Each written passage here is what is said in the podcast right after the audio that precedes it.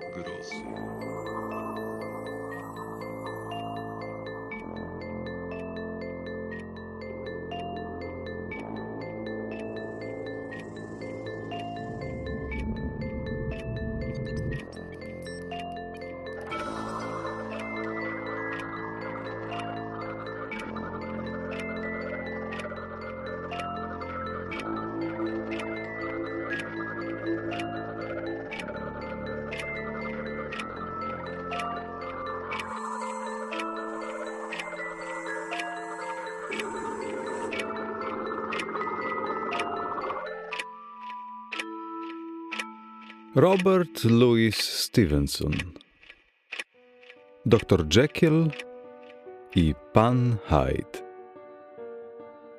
Tajemnicze drzwi Uśmiech nie rozjaśniał nigdy posępnej twarzy adwokata Uttersona. Był to człowiek wysoki, chudy, szary i pochmurny. Chłodny, oszczędny w słowach i uczuciach. Wiecznie zatroskany, lecz mimo wszystko ujmujący.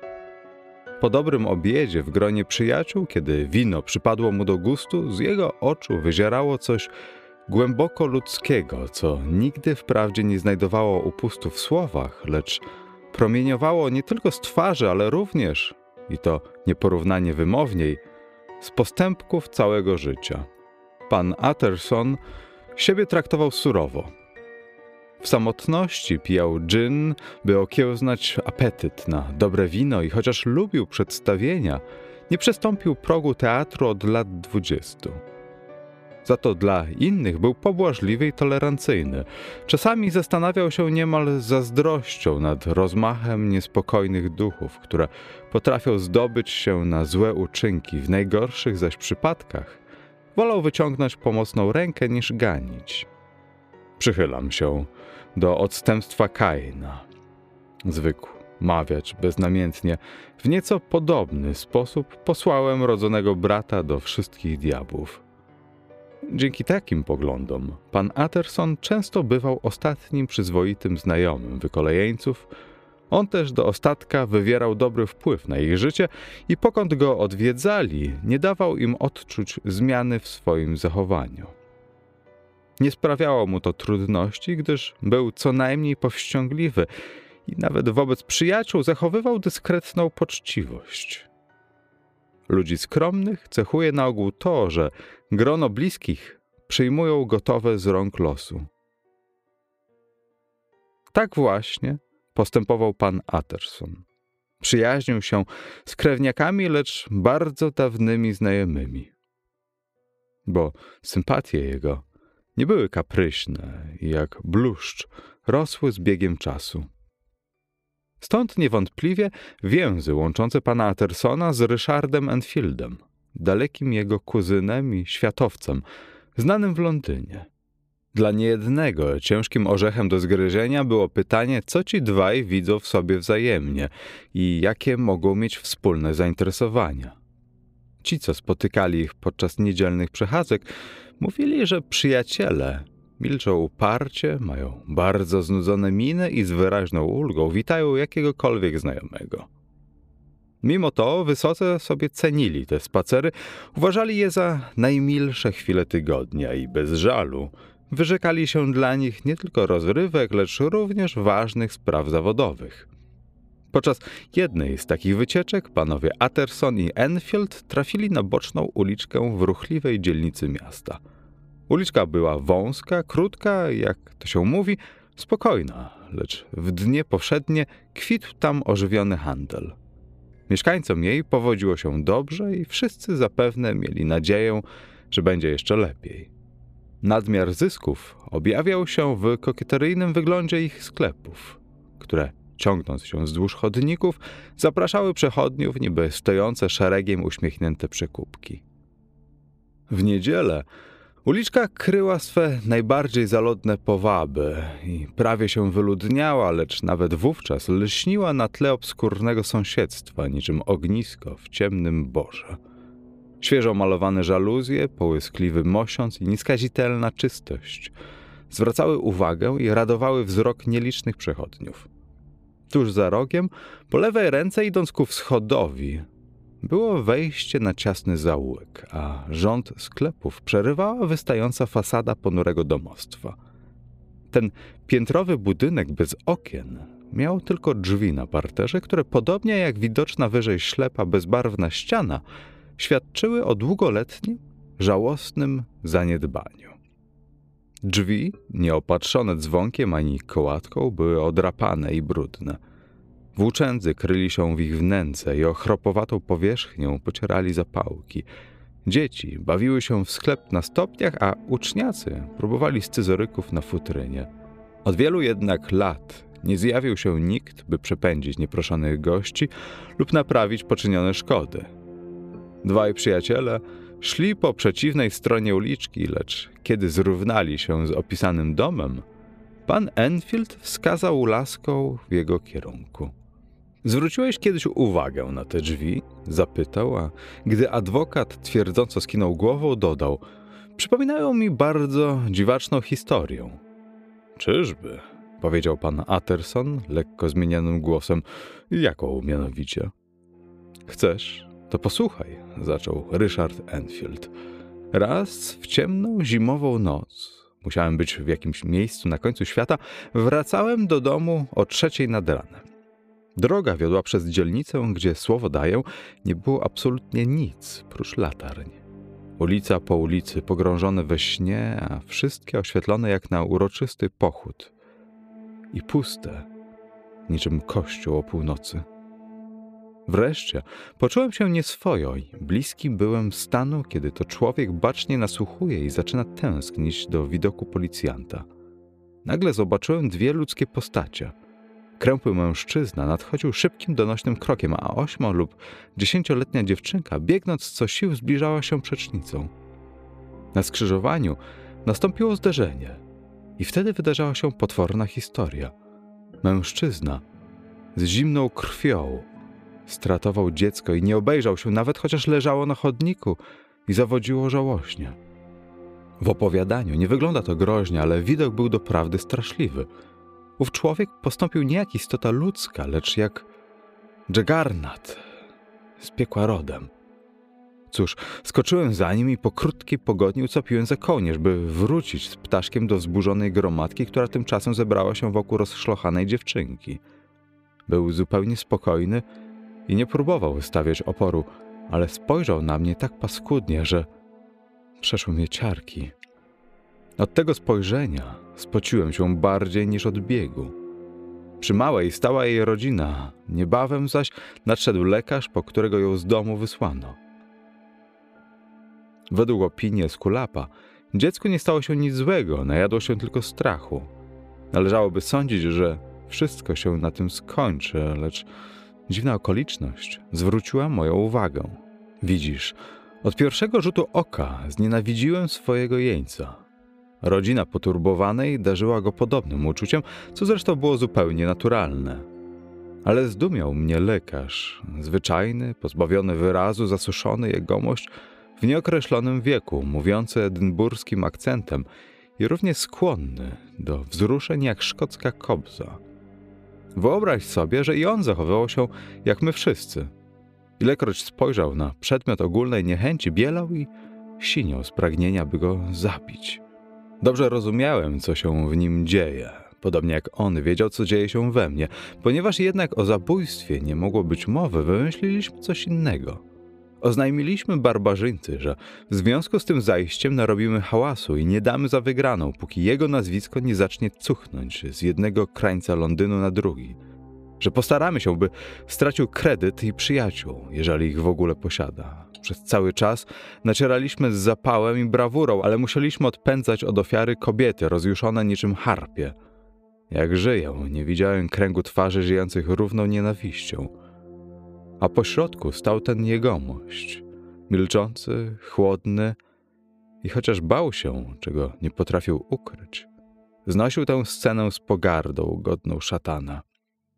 Jeżeli panowie chcą zrobić skandal, powiedział, nic nie poradzę. Wolałbym jednak uniknąć awantury. Proszę wymienić sumę. Zażądaliśmy stu funtów dla rodziców poszkodowanego dziecka. Jegomość wił się niczym piskosz i próbował targów, lecz gromada przeciwników miała groźną postawę. Wkrótce więc ubito interes. Powstała teraz kwestia wyegzekwowania pieniędzy. Jak myślisz, dokąd nas ten gbur zaprowadził? Otóż pod drzwi, od których zaczęła się nasza rozmowa. Wydobył z kieszeni klucz, wszedł do domu i wrócił po chwili, niosąc 10 złotych suwerenów oraz czek na dom bankowy Kutca. Płatny na okaziciela, przypisany nazwiskiem, którego nie mogą wymienić, chociaż ono właściwie dodaje smaku całej historii. Rozumiesz, to nazwisko dosyć głośne i często spotykane w druku. Czek opiewał na poważną sumę, lecz znacznie większą mógł gwarantować ów podpis, jeżeli oczywiście był prawdziwy. Pozwoliłem sobie zwrócić uwagę, iż cała sprawa przedstawia się podejrzanie, bo w normalnych warunkach nikt nie może zniknąć o czwartej rano za piwnicznymi drzwiami i wrócić z cudzym czekiem na blisko 100 funtów. Ale jegomość nie stropił się i powiedział z ironicznym uśmiechem: Niech pan będzie spokojny. Zostaniemy razem aż do otwarcia banku, wtedy sam zrealizuję czek. Wobec tego lekarz, ojciec małej i nasz jeniec przesiedzieli u mnie do rana. Po śniadaniu udaliśmy się do banku, gdzie przedstawiłem czek, mówiąc wyraźnie, iż podejrzewam fałszerstwo. Ale nie, podpis był najprawdziwszy. Ho, ho, wtrącił pan Atterson. Widzę, że podzielasz moje uczucia, podjął pan Enfield. To paskudna sprawa. Z tym podejrzanym typem, z tym gburem nikt uczciwy nie chciałby mieć do czynienia, a wystawca czeku to wzór przyzwoitości, szeroko znany i co gorsza, podobnie jak ty, szczerze oddany temu, co nazywacie dobroczynnością. Podejrzewam szantaż. Zacny człowiek płaci za jakieś grzeszki młodości. Płaci, bo musi. Dzięki temu zajściu budynek z tajemniczymi drzwiami przestał być dla mnie bezimienny. Nazywam go domem szantażysty. Zamyślił się i po chwili dodał nieco ciszej. Chociaż mój drogi, szantaż niezupełnie rozwiązuje zagadkę. Znowu utonął w zadumie i ocknął się dopiero na dość obcesowe pytanie towarzysza. A ty nie wiesz, czy wystawca czeku mieszka w tamtym domu? Tak by się należało spodziewać, odparł pan Enfield. Ale nie. Przypadkiem zwróciłem uwagę na jego adres. Mieszka przy jakimś placu. Zapomniałem nazwy. Czy próbowałeś dowiedzieć się więcej o, o tym domu z tajemniczymi drzwiami? Nie, mój drogi, znasz chyba moją delikatność i dyskrecję, brzmiała odpowiedź. Nie znoszę zadawać pytań, bo mi to pachnie sądem ostatecznym. Rzucić choćby błahe pytanie to tak, jak poruszyć kamień. Siedzisz spokojnie na szczycie wzgórza, a kamień toczy się i porusza inne kamienie. Wreszcie jakiś poczciwina, ostatni człowiek, o którym byś pomyślał, podlewając własny ogródek, dostanie po głowie i szczęśliwą małżonkę zostawi wdową. Widzisz, mimowolnie zostałeś mordercą, a twoja rodzina będzie musiała zmienić nazwisko. Nie, mój drogi, hołduję niewzruszonej zasadzie. Im bardziej podejrzana historia, tym mniej o nią pytam. Dobra zasada, dobra, przyznał adwokat. Ale na własną rękę obserwowałem zagadkową budowlę, podjął pan Enfield. Nie bardzo nawet wygląda na dom mieszkalny. Nie ma drugich drzwi, a tymi jednymi wychodzi lub wchodzi tylko bohater mojej opowieści, i to niezmiernie rzadko. Od strony zaułka są na piętrze trzy okna, zawsze zamknięte, ale czyste. Parter jest ślepy. Zauważyłem, że z komina zazwyczaj się dymi. Wynikałoby z tego, że ktoś tam jednak mieszka. Ale domy w załuku są tak stłoczone, że właściwie nie wiadomo, gdzie kończy się jeden, a zaczyna drugi. To jakaś dziwna sprawa. Przyjaciele szli przez pewien czas w milczeniu. Wreszcie odezwał się adwokat. Posłuchaj, Ryszardzie, hołdujesz dobrej zasadzie. Ja tak sądzę, odrzekł pan Enfield. Mimo to chciałbym cię o jedno zapytać, podjął prawnik. O nazwisko jego mościa, który poturbował dziecko. Cóż, nie widzę w tym nic złego. Nazywa się Hyde. Hyde, powtórzył pan Atterson. A jak wygląda?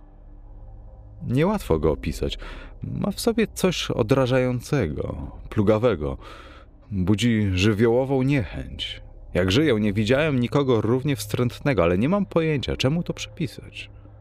Sprawia wrażenie pokraki, kaleki, lecz rodzaju jego kalectwa określić niepodobna.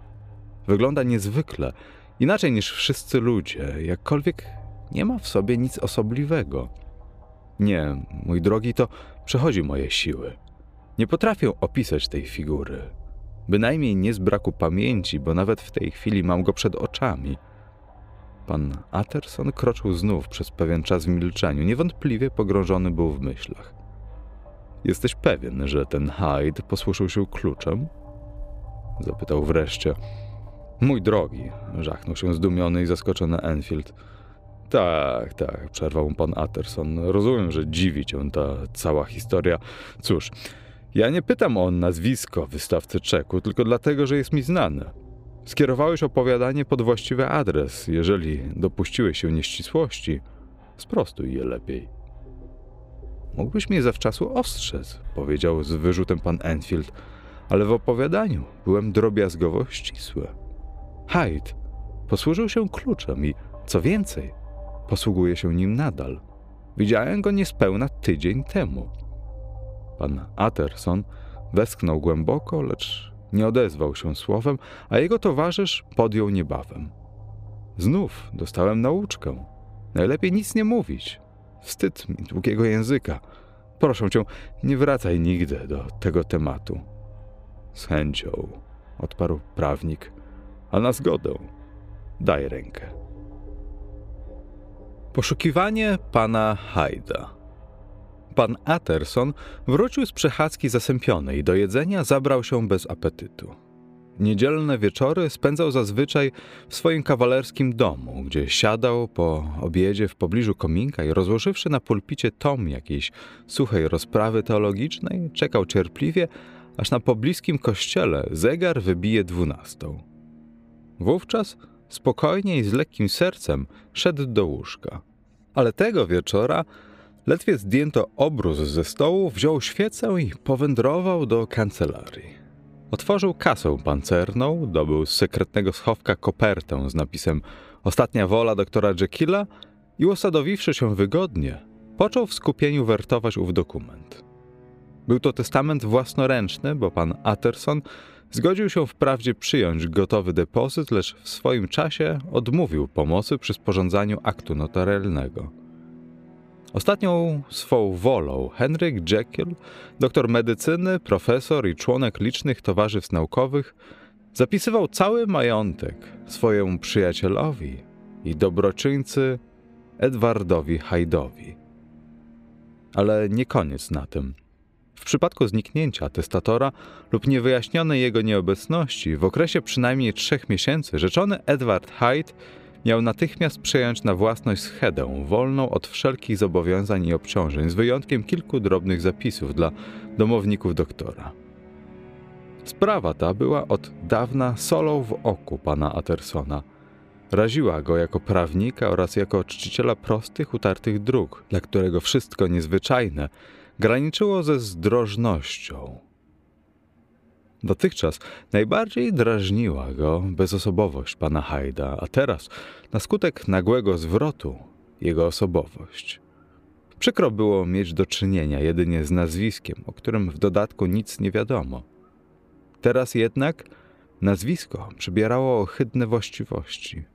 Z mgły od lat przysłaniającej obraz wyłaniał się kształt szatana. Było to nieporównanie smutniejsze. Podejrzewałem obłęd, mruknął pan Atterson, chowając zagadkowy testament do kasy. Dziś obawiam się zbrodni i niesławy. Zdmuchnął świecę, ubrał się w płaszcz i ruszył w stronę Cavendish Square. Owego przybytku medycyny, gdzie jego przyjaciel, wielki doktor Lanyon, mieszkał i przyjmował tłum pacjentów. Jeden Lanyon może coś wiedzieć o tej sprawie, myślał po drodze. Sztywny kamerdyner znał go i przywitał życzliwie. To też pan Atterson nie musiał czekać, lecz został niezwłocznie wprowadzony do jadalni, gdzie gospodarz w samotności pił wino po obiedzie. Głośny lekarz był jowialny, tryskający zdrowiem, wymuskany i czerstwy. Miał bujną, przedwcześnie pobielałą czuprynę i żywe, pewne ruchy. Na powitanie gościa zerwał się z krzesła, wyciągnął obydwie ręce. Ta wylewność, podobnie jak całe zachowanie doktora, robiły wrażenie nieco teatralne, lecz stanowiły wyraz szczerszych uczuć. Dwaj panowie byli bowiem dawnymi przyjaciółmi, kolegami ze szkoły i uniwersytetu, a ponadto darzyli się nawzajem życzliwym szacunkiem i, co nie zawsze idzie w parze, naprawdę czuli się dobrze w swoim towarzystwie. Po krótkiej gawędzie o tym i o owym adwokat poruszył nurtującą go niemiłą kwestię. Myślę, Lanyon rozpoczął, że Henryk Jekyll nie ma starszych przyjaciół niż ty albo ja. Szkoda, że ci przyjaciele nie są trochę młodsi, ale masz chyba rację, roześmiał się gospodarz. I cóż z tego? Spotykamy się teraz bardzo rzadko. Czyżby? Zdziwił się pan Atterson. Sądziłem, że łączą was sprawy zawodowe. Łączyły, odparł lekarz, ale od dziesięciu lat Henryk Jekyll hołduje teoriom, jak na mój gust, trochę zbyt fantastycznym. Zaczął błądzić. Błądzić na drodze rozumowania. Oczywiście utrzymuję z nim kontakt przez wzgląd, jak to się mówi, na dawne dobre czasy. Widujemy się jednak diabelnie rzadko. Takie nienaukowe bajanie – dorzucił purpurowiejąc nagle. Poróżniłoby chyba nawet Damona i Pytiasa. Końcowy, niegroźny zresztą wybuch przyniósł niejaką ulgę panu Attersonowi. Posprzeczali się tylko na jakieś tematy naukowe, pomyślał prawnik, a że sam nie był fanatykiem nauki, z wyjątkiem teorii prawniczych, dodał nawet, mogłoby być gorzej. Następnie zostawił przyjacielowi kilka sekund na ochłonięcie i zaryzykował pytanie, które stanowiło powód odwiedzin. Czy zetknąłeś się kiedy z protegowanym Jekylla z niejakim Hyde'em? Hyde? Nie. Jak żyję, nie słyszałem tego nazwiska, odparł doktor Lanyon. Tyle tylko dowiedział się adwokat. Poszedł więc na spoczynek zatroskany i do białego rana przewracał się z boku na bok na ciemnym, staroświeckim łożu. Nie wypoczął tej nocy, gdyż dręczyły go liczne pytania, na które niepodobna było znaleźć odpowiedzi. Szósta wybiła na dzwonnicy kościoła, który ku wygodzie pana Tersona sąsiadował z jego domem. Adwokat wciąż głowił się nad zawiłym problemem. Dotychczas była to kwestia czysto intelektualna. Obecnie jednak zaatakowała i wzięła w niewolę również wyobraźnię. Stary prawnik męczył się długo. W mroku zasłoniętego roletami pokoju, jak chińskie cienie, przesuwały się sceny opowieści Enfielda. Widział niezliczone szeregi latarń w ciszy pogrążonego we śnie wielkiego miasta – Widział sylwetkę szybko nadchodzącego mężczyzny i małą dziewczynkę, co wystraszona biegnie od lekarza. Następuje zderzenie. Wcielony Jaggernat bezlitośnie tratuje dziecko i kroczy dalej swoją drogą, nie bacząc na płacz ofiary. Później fantazja maluje coś innego. Pan Atterson widzi komnatę w zasobnym domu, gdzie przyjaciel śpi błogo i uśmiecha się przez sen do swoich marzeń. Nagle otwierają się drzwi. Rozchylają zasłony łóżka. Nad uśpionym staje groźna zjawa. Ktoś obdarzony tak wielką władzą, że doktor Jekyll Obudzony pośród głuchej nocy musi wstać i zadośćuczynić jego woli. Ta sama zmora w obydwu fazach swego działania nawiedzała prawnika do świtu, nawet wówczas, gdy zapadał w drzemkę. Raz sunęła ukradkiem przez pokoje znajomego domu. Raz szybko, coraz szybciej aż do zawrotu głowy. Mknęła labiryntem oświetlonych pustych ulic, by na każdym rogu tratować i porzucać zawodzące żałośnie dziecko. Ale zmora nie miała twarzy, po której można by ją poznać. Nawet w koszmarnym śnie twarz ta była zamglona albo natychmiast opniała od spojrzeń. Dzięki temu w panu Atersonie zrodziła się i nabrała mocy gwałtowna, nieodparta chęć, by zaznajomić się z obliczem prawdziwego pana Hajda. Adwokat miał nadzieję, że gdyby choć raz zobaczył owego człowieka zagadka, wyjaśniłaby się i przestała być atrakcyjna, jak to się zwykle zdarza po bliższym zapoznaniu tajemniczych zjawisk czy rzeczy. Zapewne odnalazłby się wtedy klucz do dziwacznej przyjaźni lub niewoli, mniejszą nazwę, a może nawet do osobliwej treści testamentu doktora Jekylla. Każdym razie warto obejrzeć twarz istoty ludzkiej do cna pozbawionej miłosierdzia. Twarz, której przelotny wyraz potrafił wzbudzić namiętną nienawiść w sercu beznamiętnego Ryszarda Enfielda. Od tej chwili pan Atterson zaczął strażować w pobliżu drzwi domu przy bocznej uliczce. Rano, przed rozpoczęciem pracy, w południe, kiedy kipiał ożywiony handel, nocą, pod księżycem zasnutym dymami miasta. O każdej porze, w godzinach pustki największego ruchu, adwokat trwał na obranym posterunku. Kryj się jak chcesz, panie Hyde, myślał. Tak czy inaczej, odnaleźć cię muszę. Wreszcie, cierpliwość doczekała się nagrody. Pogodny, widny, mroźny wieczór uliczka była czysta jak sala balowa, a latarnie, których nie poruszał najlżejszy nawet powiew, zdobiły ją regularnym deseniem świateł i cieni. Po zamknięciu sklepów, mniej więcej o dziesiątej, zrobiło się dokoła pusto i bardzo cicho, chociaż zewsząd nadpływał stłumiony pogwar Londynu. Nawet słabe dźwięki niosły się daleko. Po przeciwnej stronie jezdni słychać było odgłosy życia, ludzkich siedzib, a miarowy stukot wcześnie zapowiadał każdego przechodnia. Pan Atterson czuwał już od kilku minut na posterunku, gdy złowił uchem zbliżający się tupot dziwnych, szczególnie lekkich kroków. Podczas nocnych czat zdążył przywyknąć do wrażenia, jakie sprawia wyłaniający się nagle z wielkomiejskiego gwaru takt wybijany nogami pojedynczego człowieka. Tym razem jednak odległe echo było odmienne, wstrząsające. I pan Atterson, podświadomie przeczuwając sukces, cofnął się spiesznie w gardziel zaułka. Kroki były coraz bliżej i bliżej, aż nagle, kiedy skręciły na rogu uliczki, odgłos ich przybrał na sile. Adwokat wyjrzał z ciemnego zaułka i na pierwszy rzut oka ocenił, z jakiego pokroju człowiekiem będzie miał do czynienia. Nadchodzący mężczyzna był niski, bardzo skromnie odziany i nawet z daleka sprawiał szczególnie odpychające wrażenie. Zmierzał w stronę tajemniczych drzwi i dla pośpiechu, przecinając ukosem jezdnię, wyjmował z kieszeni klucz, jak ktoś wracający do domu. Pan Atterson wystąpił na oświetlony chodnik i dotknął ramienia nieznajomego. Pan Hyde, zdaje się, zapytał. Zagadnięty cofnął się, wzdrygnął i syknął przez zęby. Lecz przerażenie jego było widać chwilowe, gdyż odpowiedział chłodno i spokojnie, chociaż nie spojrzał w oczy natrętowi. Tak, nazywam się Hyde. Czego pan ode mnie chce? Widzę, że pan tu wchodzi, odparł prawnik. Jestem starym przyjacielem doktora Jekylla, Atterson z Gaunt Street. Zapewne słyszał pan o mnie. Otóż spotkaliśmy się w porę. Czy wolno wejść z panem? Nie zastanie pan teraz doktora Jekylla. Nie ma go tutaj. Burknął Hyde, wsuwając klucz w zamek i szybko dodał, nie podnosząc oczu. Skąd pan mnie zna?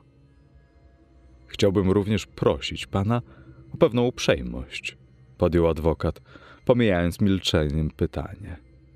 Słyszę. O co chodzi? Pozwoli pan spojrzeć sobie w twarz? Pan Hyde stropił się. Zawahał, lecz niebawem, jak gdyby powziąwszy decyzję, zmierzył prawnika wyzywającym wzrokiem. Przez kilka sekund dwaj przeciwnicy obserwowali się bacznie. Teraz poznam pana zawsze i wszędzie, odezwał się wreszcie prawnik. Może się to kiedyś przydać. Zapewne. Cieszę się z naszego spotkania. Aha, sądzę, że powinien pan mieć mój adres. Tu wymienił numer domu przy pewnej ulicy Soho. Wielki Boże, czyżby i on pił do ostatniej woli Jekylla? Pomyślał pan Atterson, nie dał jednak wyrazu uczuciom i mimochodem podziękował za adres. Pozwolę sobie zapytać po raz drugi, podjął tajemniczy jegomość. Skąd pan mnie zna? Z opisu.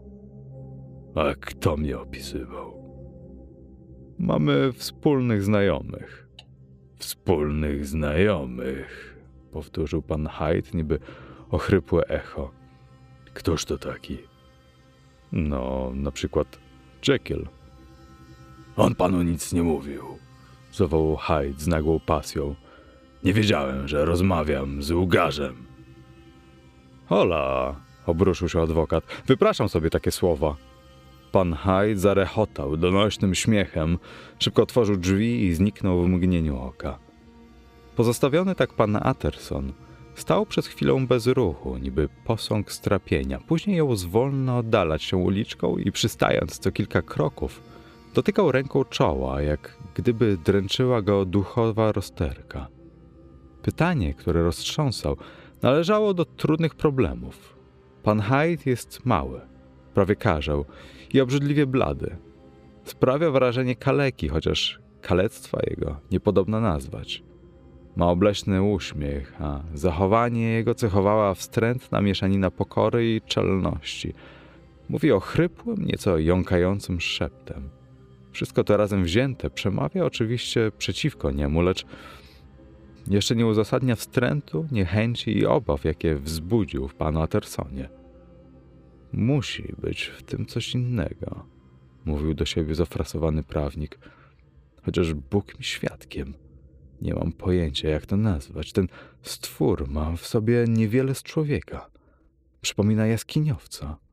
A może to stara historia o żywiołowej antypatii? Może plugawa dusza prześwieca przez doczesną powłokę i potwornie szpeci jej kształt?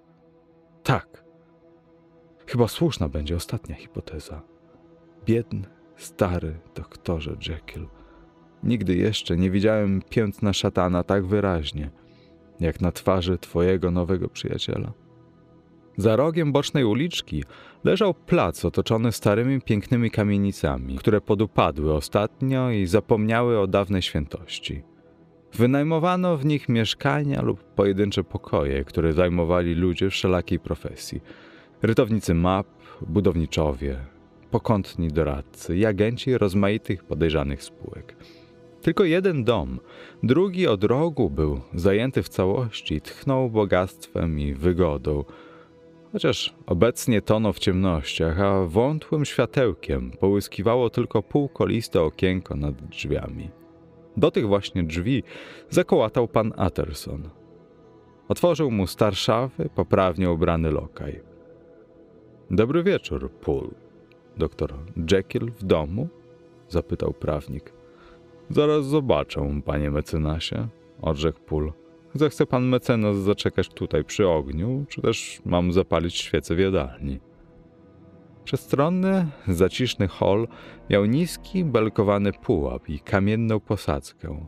Umeblowany był cennymi antykami z poczerniałego dębu, a ogrzewał go, podobnie jak sień w wiejskim dworze, suty ogień, co płonął pod okapem otwartego kominka.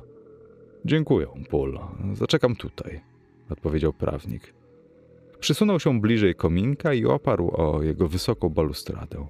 Hall, w którym go zostawiono, był ulubionym miejscem doktora Jekylla i pan Atterson nazywał go często najprzyjemniejszym zaciszem Londynu.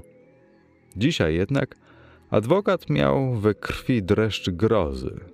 Nie mógł wypędzić z pamięci twarzy Hajda i co mu się rzadko zdarzało, odczuwał niesmak i zniechęcenie do życia. Będąc w tak posępnym nastroju, widział groźbę w pełgającym po polerowanych szafach od blasku płomieni, w tajemniczych cieniach zalegających między belkami pułapu. Pan Atterson poczuł znaczną ulgę, chociaż wstyd mu jej było, kiedy Pól wrócił i zameldował, że jego pan wyszedł. Doktora Jekylla nie ma w domu, zdziwił się adwokat. A przed chwilą widziałem, jak pan Hyde wszedł do starego prosektorium. Czy to w porządku, Pól? Najzupełniej w porządku, panie mecenasie, odpowiedział służący. Pan Hyde ma klucz. Doktor Jekyll bezgranicznie ufa temu młodemu człowiekowi, prawda? Podjął posępnie przyjaciel pana domu. Tak, panie mecenasie. Całej służbie rozkazał, aby słuchała pana Hajda. Wydaje mi się, że nigdy go tu nie spotkałem, mruknął pan Atterson. Bardzo możliwe, panie mecenasie. Pan Hyde nie bywał u nas na obiadach. W ogóle rzadko go widujemy po tej stronie domu. Zawsze wchodzi i wychodzi przez laboratorium. Rozumiem. Dobranoc, Pól. Dobranoc, panie mecenasie. Stary prawnik ruszył w powrotną drogę, a serce ciążyło mu w piersi kamieniem. Biedny Harry Jekyll, rozmyślał, musiał pogrążyć się głęboko. Widocznie srodze na broju w dniach młodości, a chociaż to odległa przeszłość, prawo boskie nie zna przedawnienia. Tak to będzie, nie inaczej. Upiór jakiegoś dawnego grzechu, rak tajonej hańby. Ech. Kara zbliża się pede claudo, chociaż pamięć od wielu lat puściła winę w zapomnienie, a miłość własna udzieliła rozgrzeszenia. Adwokat zląkł się tych rozważań i przez czas pewien błądził we własnych wspomnieniach, sięgając najciemniejszych zakątków. Nie taił przed sobą obawy, że jakiś grzech młodości może wyskoczyć w każdej chwili, niby diablik po uniesieniu wieczka jego kryjówki. Przeszłość miał nieskazitelną. Niewiele ludzi mogłoby odczytać swój życiorys z równym spokojem. Mimo to jednak pan Atterson poczuł się prochem z powodu wielu złych postępków i urósł znów we własnych oczach dopiero na myśl o wielu innych, których zdołał uniknąć. Po takim rachunku sumienia wrócił do poprzedniego tematu nie bez iskierki nadziei. Warto by przypatrzyć się z bliska szanowanemu panu Hajdowi, snuł rozważania. Ech, sądząc na oko, ten jegomość musi mieć sekrety. Czarne sekrety, wobec których najgorszy uczynek biednego Jekylla będzie jaśniał niczym słońce. Tak dłużej być nie może. Zimno mi się robi na myśl, że ta kreatura skrada się i staje nagle nad łóżkiem Henryka. Biedny, stary Jekyll. Co za przebudzenie. To przecie niebezpieczna historia. Jeżeli Hyde wie o istnieniu testamentu, może mu być pilno do schedy. Tak, tak, trzeba wtrącić swoje trzy grosze. Zabrać się do roboty. Zasępił się na chwilę. Jeżeli oczywiście Jekyll mi pozwoli, jeżeli tylko mi pozwoli. Ostatnie zdanie pan Atterson dodał pod wpływem dziwnych punktów testamentu doktora Jekylla, które stanęły mu teraz przed oczyma wyobraźni. Doktor Jekyll jest zupełnie spokojny. Szczęśliwym zbiegiem okoliczności w dwa tygodnie później doktor Jekyll wydał jeden ze swych miłych obiadów dla kilku starych druhów, inteligentnych, znanych w mieście panów, znawców dobrego wina. Panu Attersonowi udało się zostać po odejściu innych biesiadników, co nie było trudne, bo już dawniej weszło niejako w zwyczaj. Jeżeli ktoś lubił Attersona, lubił go naprawdę. To też gospodarze chętnie zatrzymywali oschłego jurystę, gdy inni goście, weselsi i bardziej wygadani, opuścili ich progi. W dyskretnym jego towarzystwie, w atmosferze bogatego w treść milczenia w samotności, trzeźwieli duchowo po ożywieniu i zgiełku wesołej zabawy. Doktor Jekyll nie stanowił wyjątku z tej reguły. Kiedy więc zasiadł przed kominkiem naprzeciw starego przyjaciela, widać było, iż darzy go szczerą, gorącą sympatią. Mówił o tym wyraz twarzy i oczu tego rosłego, dobrze zbudowanego pięćdziesięcioletniego mężczyzny o gładko ogolonej twarzy i minie być może nieco przebiegłej, lecz zdradzającej niepośredni intelekt i głęboką dobroć. Chciałbym pogadać z tobą, Jekyll, odezwał się adwokat. Wiesz o tym twoim testamencie. Bystry obserwator dostrzegłby niezawodnie, że temat nie poszedł w smak gospodarzowi, który wszelako podjął go żartobliwie. Biedny Atterson, westchnął. Masz pecha, że trafi ci się taki klient. Jak żyję, nie widziałem człowieka zatroskanego czymś bardziej niż ty moją ostatnią wolą. Aha, zapomniałem o tym zacofanym pedancie Lanionie, co łamie ręce nad moimi, jak się łaskawie wyraża, herezjami naukowymi. Nie przyglądaj mi się tak z łba. Wiem, że z niego doskonały kolega i złote serce. Od dawna pragnę go częściej widywać, ale mimo wszystko to zacofany, powiedziałbym nawet ograniczony i gruboskórny pedant. Nigdy nie rozczarował mnie nikt tak jak stary, poczciwy Lanion. Od początku nie pochwalałem twego kroku, dobrze o tym wiesz. Podjął prawnik, puszczając mimo uszu świeżo rozpoczęty temat. Mowa o testamencie. Wiem, że go nie pochwalasz. Nigdy tego nie taiłeś. Odparł dość szorstko doktor. I nie myślę taić. Ostatnio zapoznałem się po trosze z twoim panem Hajdem. Pełna, urodziwa twarz gospodarza pobielała. Wargi zsiniały, a pod oczyma ukazały się głębokie cienie. Nie chciałbym o tym więcej słyszeć, rzucił doktor Jekyll. O ile sobie przypominam, umówiliśmy się, że to temat pogrzebany. Dowiedziałem się potwornych rzeczy, które nic nie mogą zmienić dokończył lekarz tonem żywego wzburzenia. Nie rozumiesz mojej sytuacji. Jest bolesna i niecodzienna. Atterson, naprawdę niecodzienna. Słowa tu nic nie pomogą. Posłuchaj, Henryku, wybuchnął adwokat. Znasz mnie. Jestem człowiekiem godnym zaufania. Powiedz wszystko szczerze, a nie wątpię, że zdołam cię wyciągnąć z biedy. Poczciwy, zacny przyjacielu, odparł gospodarz. Jestem ci wdzięczny niewymownie wdzięczny. Doprawdy, braknie mi słów podzięki. Wierzę ci bez zastrzeżeń. Gdybym miał wybór, wolałbym zaufać tobie niż komukolwiek innemu na świecie, nie wyłączając siebie. Ale zapewniam cię, moja sprawa różni się bardzo od twoich o niej wyobrażeń. Nie jest aż taka kiepska. Wyznam ci coś, bo pragnę uspokoić twoje życzliwe serce. W każdej chwili, kiedy zechcę, mogę uwolnić się od pana Hajda. Ręczę za prawdę tych słów, Atterson.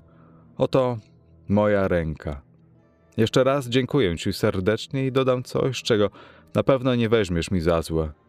To moja czysto osobista sprawa i zaklinam cię. Nie powracajmy do niej nigdy. Adwokat milczał, zapatrzony w ogień. Cóż, powiedział wreszcie, dźwigając się z fotela. Nie wątpię, że masz zupełną słuszność. Ponieważ jednak poruszyliśmy tę kwestię, mam nadzieję po raz ostatni, podjął dr Jekyll, chciałbym ci jeszcze coś wytłumaczyć. Biedny Hyde żywo mnie interesuje. Wiem, że się z nim spotkał. Sam mi o tym powiedział. Obawiam się, że był niegrzeczny, gburowaty ale wierzaj mi, to młody człowiek, na którym mi zależy. Niezmiernie zależy, Atterson.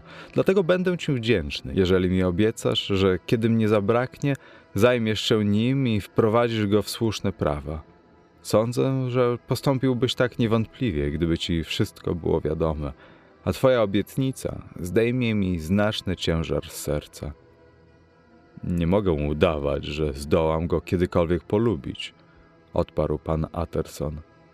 Wcale się tego nie domagam, odparł lekarz, kładąc dłoń na ramieniu przyjaciela. Proszę tylko o zwykłą sprawiedliwość. o pomoc dla niego przez wzgląd na mnie, kiedy już stąd odejdę. Adwokat nie mógł powstrzymać westchnienia. To ci przyrzekam, powiedział. Morderstwo Sir Daniersa Carew. Minęło wiele miesięcy. W październiku roku 1800 bestialska zbrodnia wstrząsnęła Londynem i nabrała rozgłosu dzięki wysokiej pozycji ofiary. Nieliczne szczegóły były zdumiewające. Młoda służąca zamieszkała chwilowo samotnie w pewnym domu niedaleko rzeki, poszła do swojego pokoju na piętrze około godziny 11 wieczorem. Po zachodzie słońca ciężkie tumany mgieł przetoczyły się nad miastem. Później jednak chmury ustąpiły i pełnia księżyca jasno oświecała uliczkę przed oknem służbowego pokoju. Dziewczyna miała zapewne romantyczne sposobienie, gdyż siadła na swym kuferku stojącym w okiennej wnęce i zapadła w pół drzemkę, pół zadumę. Nigdy, jak często ze łzami w oczach opowiadała o swych przeżyciach, nigdy nie czuła się bardziej w zgodzie z całym światem i nie myślała życzliwiej o bliźnich. Siedząc tak, zobaczyła, że wytworny, bardzo piękny starzec o białych jak mleko włosach zbliża się uliczką. Naprzeciw zaś niego idzie mężczyzna szczególnie niskiego wzrostu, niewątpliwie mniej godny uwagi. Spotkanie nastąpiło tuż pod oknem służącej. Starzec skłonił się i z nader uprzejmym gestem zagadnął drugiego przechodnia. Dziewczyna odniosła wrażenie, że nie chodziło o ważną kwestię, a gesty starego pana wskazywały, że zapewne pytał drogę. W tej chwili księżyc oświetlił go jasno. Twarz starca była szczególnie ujmująca. Miała wyraz łagodnej, staroświeckiej uprzejmości, a zarazem dziwnej powagi, jak gdyby opartej na strasznym szacunku dla samego siebie. Obserwatorka przeniosła wzrok na drugiego mężczyznę i ze zdziwieniem poznała w nim niejakiego Hajda, który odwiedził niegdyś dom jej chlebodawcy i wzbudził w niej gwałtowną niechęć. Pan Hyde nie odpowiadał, lecz ze źle ukrywanym zniecierpliwieniem słuchał słów sędziwego pana i bawił się ciężką laską, którą trzymał w ręku. Nagle wpadł w furię. Zaczął tupać, wymachiwać laską, jak to określiła dziewczyna, zachowywać się niczym obłąkaniec. Starzec cofnął się zdziwiony i urażony grubiaństwem. Wtedy pan Hyde uniósł laskę i potężnym ciosem obalił go na ziemię. Potem, jak rozjuszona małpa, skoczył na ofiarę i depcąc ją nogami, tłukł raz po raz, aż słychać było chrzęst łamanych kości. Ciało zsunęło się na jezdnię. Na ten okropny widok dziewczyna zemdlała. O drugiej nad ranem odzyskała przytomność i wezwała policję. Morderca uszedł od dawna. Na środku uliczki leżały straszliwie zmasakrowane zwłoki. Laska, chociaż zrobiona z jakiegoś cennego drewna, ciężkiego i twardego, pękła na dwoje w rękach szaleńca. Jedna jej połowa potoczyła się do pobliskiego rynsztoka, drugą niewątpliwie uniósł zabójca. W kieszeniach ofiary znaleziono sakiewkę i złoty zegarek. Nie było tam wszakże dokumentów lub papierów, oprócz zapieczętowanej koperty adresowanej do pana Attersona. Adwokat miał zapewne tę przesyłkę otrzymać pocztą, lecz policja doręczyła mu ją nazajutrz rano, zanim jeszcze zdążył wstać z łóżka. Kiedy przeczytał list i usłyszał, co się stało, twarz mu spochmurniała. Nie powiem nic przed obejrzeniem ciała, rzekł. Sprawa może być poważniejsza niż się wydaje. Zechcą panowie zaczekać na mnie chwilę, wnet się ubiorę. Z grobową miną zjadł śniadanie i bez słowa pozwolił zawieźć się do komisariatu policji, gdzie tymczasem dostarczono ciało. Wszedłszy do kostnicy, smutno pokiwał głową. Tak, powiedział z głębokim żalem. Poznaję go. To Sir Danvers Carew. Wielki Boże, zawołał policjant. Czy to możliwe? Niebawem jednak rozpogodził się pod wpływem połechtanej ambicji zawodowej. Sprawa narobi ładnego hałasu. Czy pan mecenas mógłby nam pomóc w odnalezieniu mordercy? Następnie streścił pobieżnie opowiadanie służące i pokazał złamaną laskę.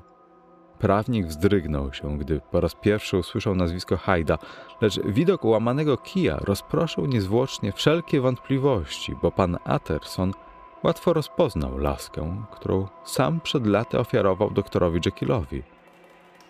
Czy ów Hyde to osobnik niskiego wzrostu? zapytał. Jest bardzo drobny i wygląda szczególnie odpychająco. Tak przynajmniej zeznaje służąca, odrzekł policjant. Adwokat zamyślił się na moment, wnet jednak podniósł głowę i rzucił stanowczym tonem. Jeżeli zechce mi pan towarzyszyć, możemy zaraz moim powozem jechać do domu tego człowieka. Dochodziła dziewiąta rano. Pierwsza mgła jesienna zaczynała spowijać miasto. Z nieba spływały tumany czekoladowej barwy, ponieważ jednak wiatr szarpał je rozpraszał nieustannie. Oświetlenie było nader dziwaczne i pan Atterson oglądał z wlokącego się powozu wszelkie odcienie półmroku. Na jednej ulicy było ciemno, jak późnym wieczorem. Na innej, kiedy nagły podmuch rozwiał mgłę, mizerny odblask dnia bielił kudłate strzępy oparów. W zmieniającej się wciąż grze świateł i cieni, nędzna dzielnica Soho przedstawiała ponury widok.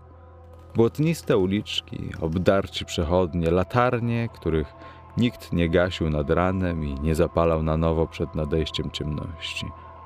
Wszystko to składało się na obraz widmowego miasta z koszmaru.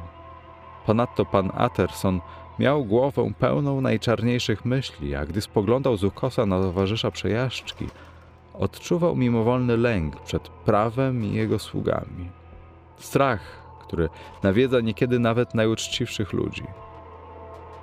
Kiedy pojazd stanął pod wskazanym adresem, mgły uniosły się nieco i okazały obskurną uliczkę.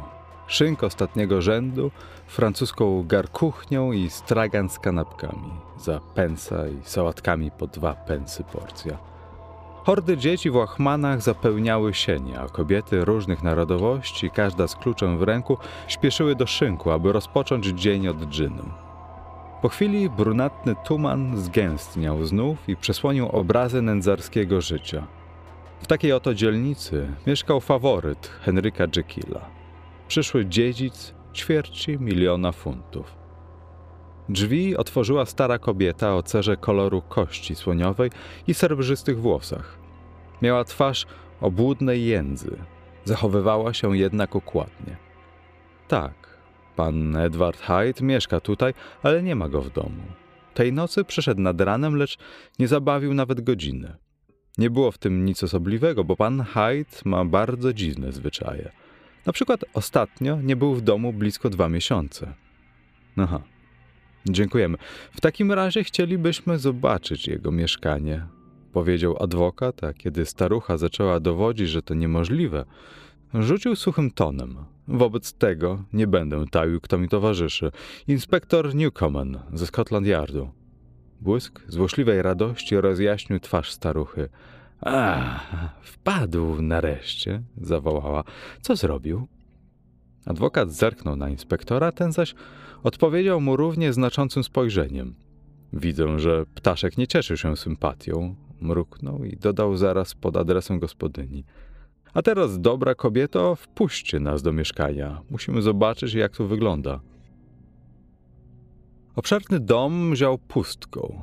Na stałe nie mieszkał w nim nikt, oprócz owej starej kobiety. A pan Hyde zajmował tylko dwa pokoje, urządzone jednak bogato i z nader dobrym smakiem. Butelki dobrych win wypełniały kredens. Zastawa była srebrna, obrusy i serwety w pięknym gatunku. Dywany pastelowych odcieni, grube i puszyste.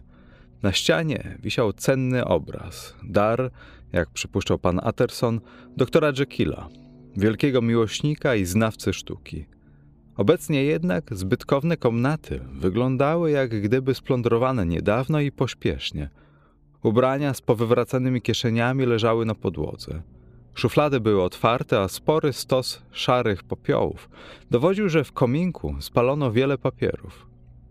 Z popiołu inspektor wygrzebał grzbiet zielonej książeczki czekowej, który oparł się jakoś płomieniom.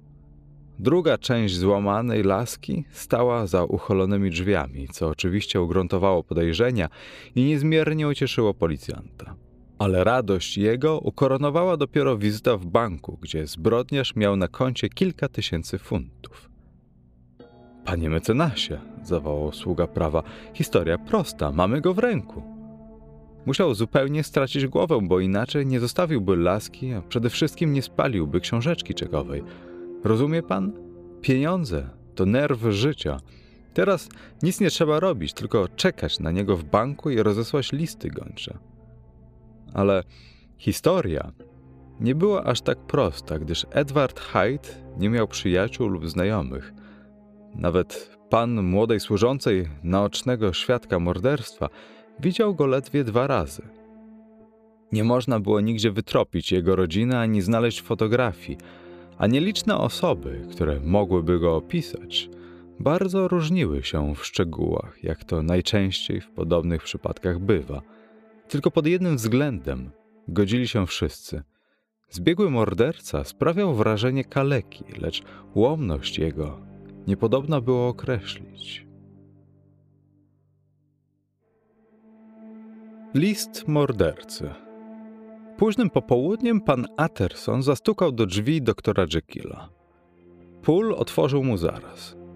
Przez kuchenny korytarz i podwórko, które niegdyś było ogrodem, zaprowadził gościa do budynku zwanego prosektorium albo laboratorium.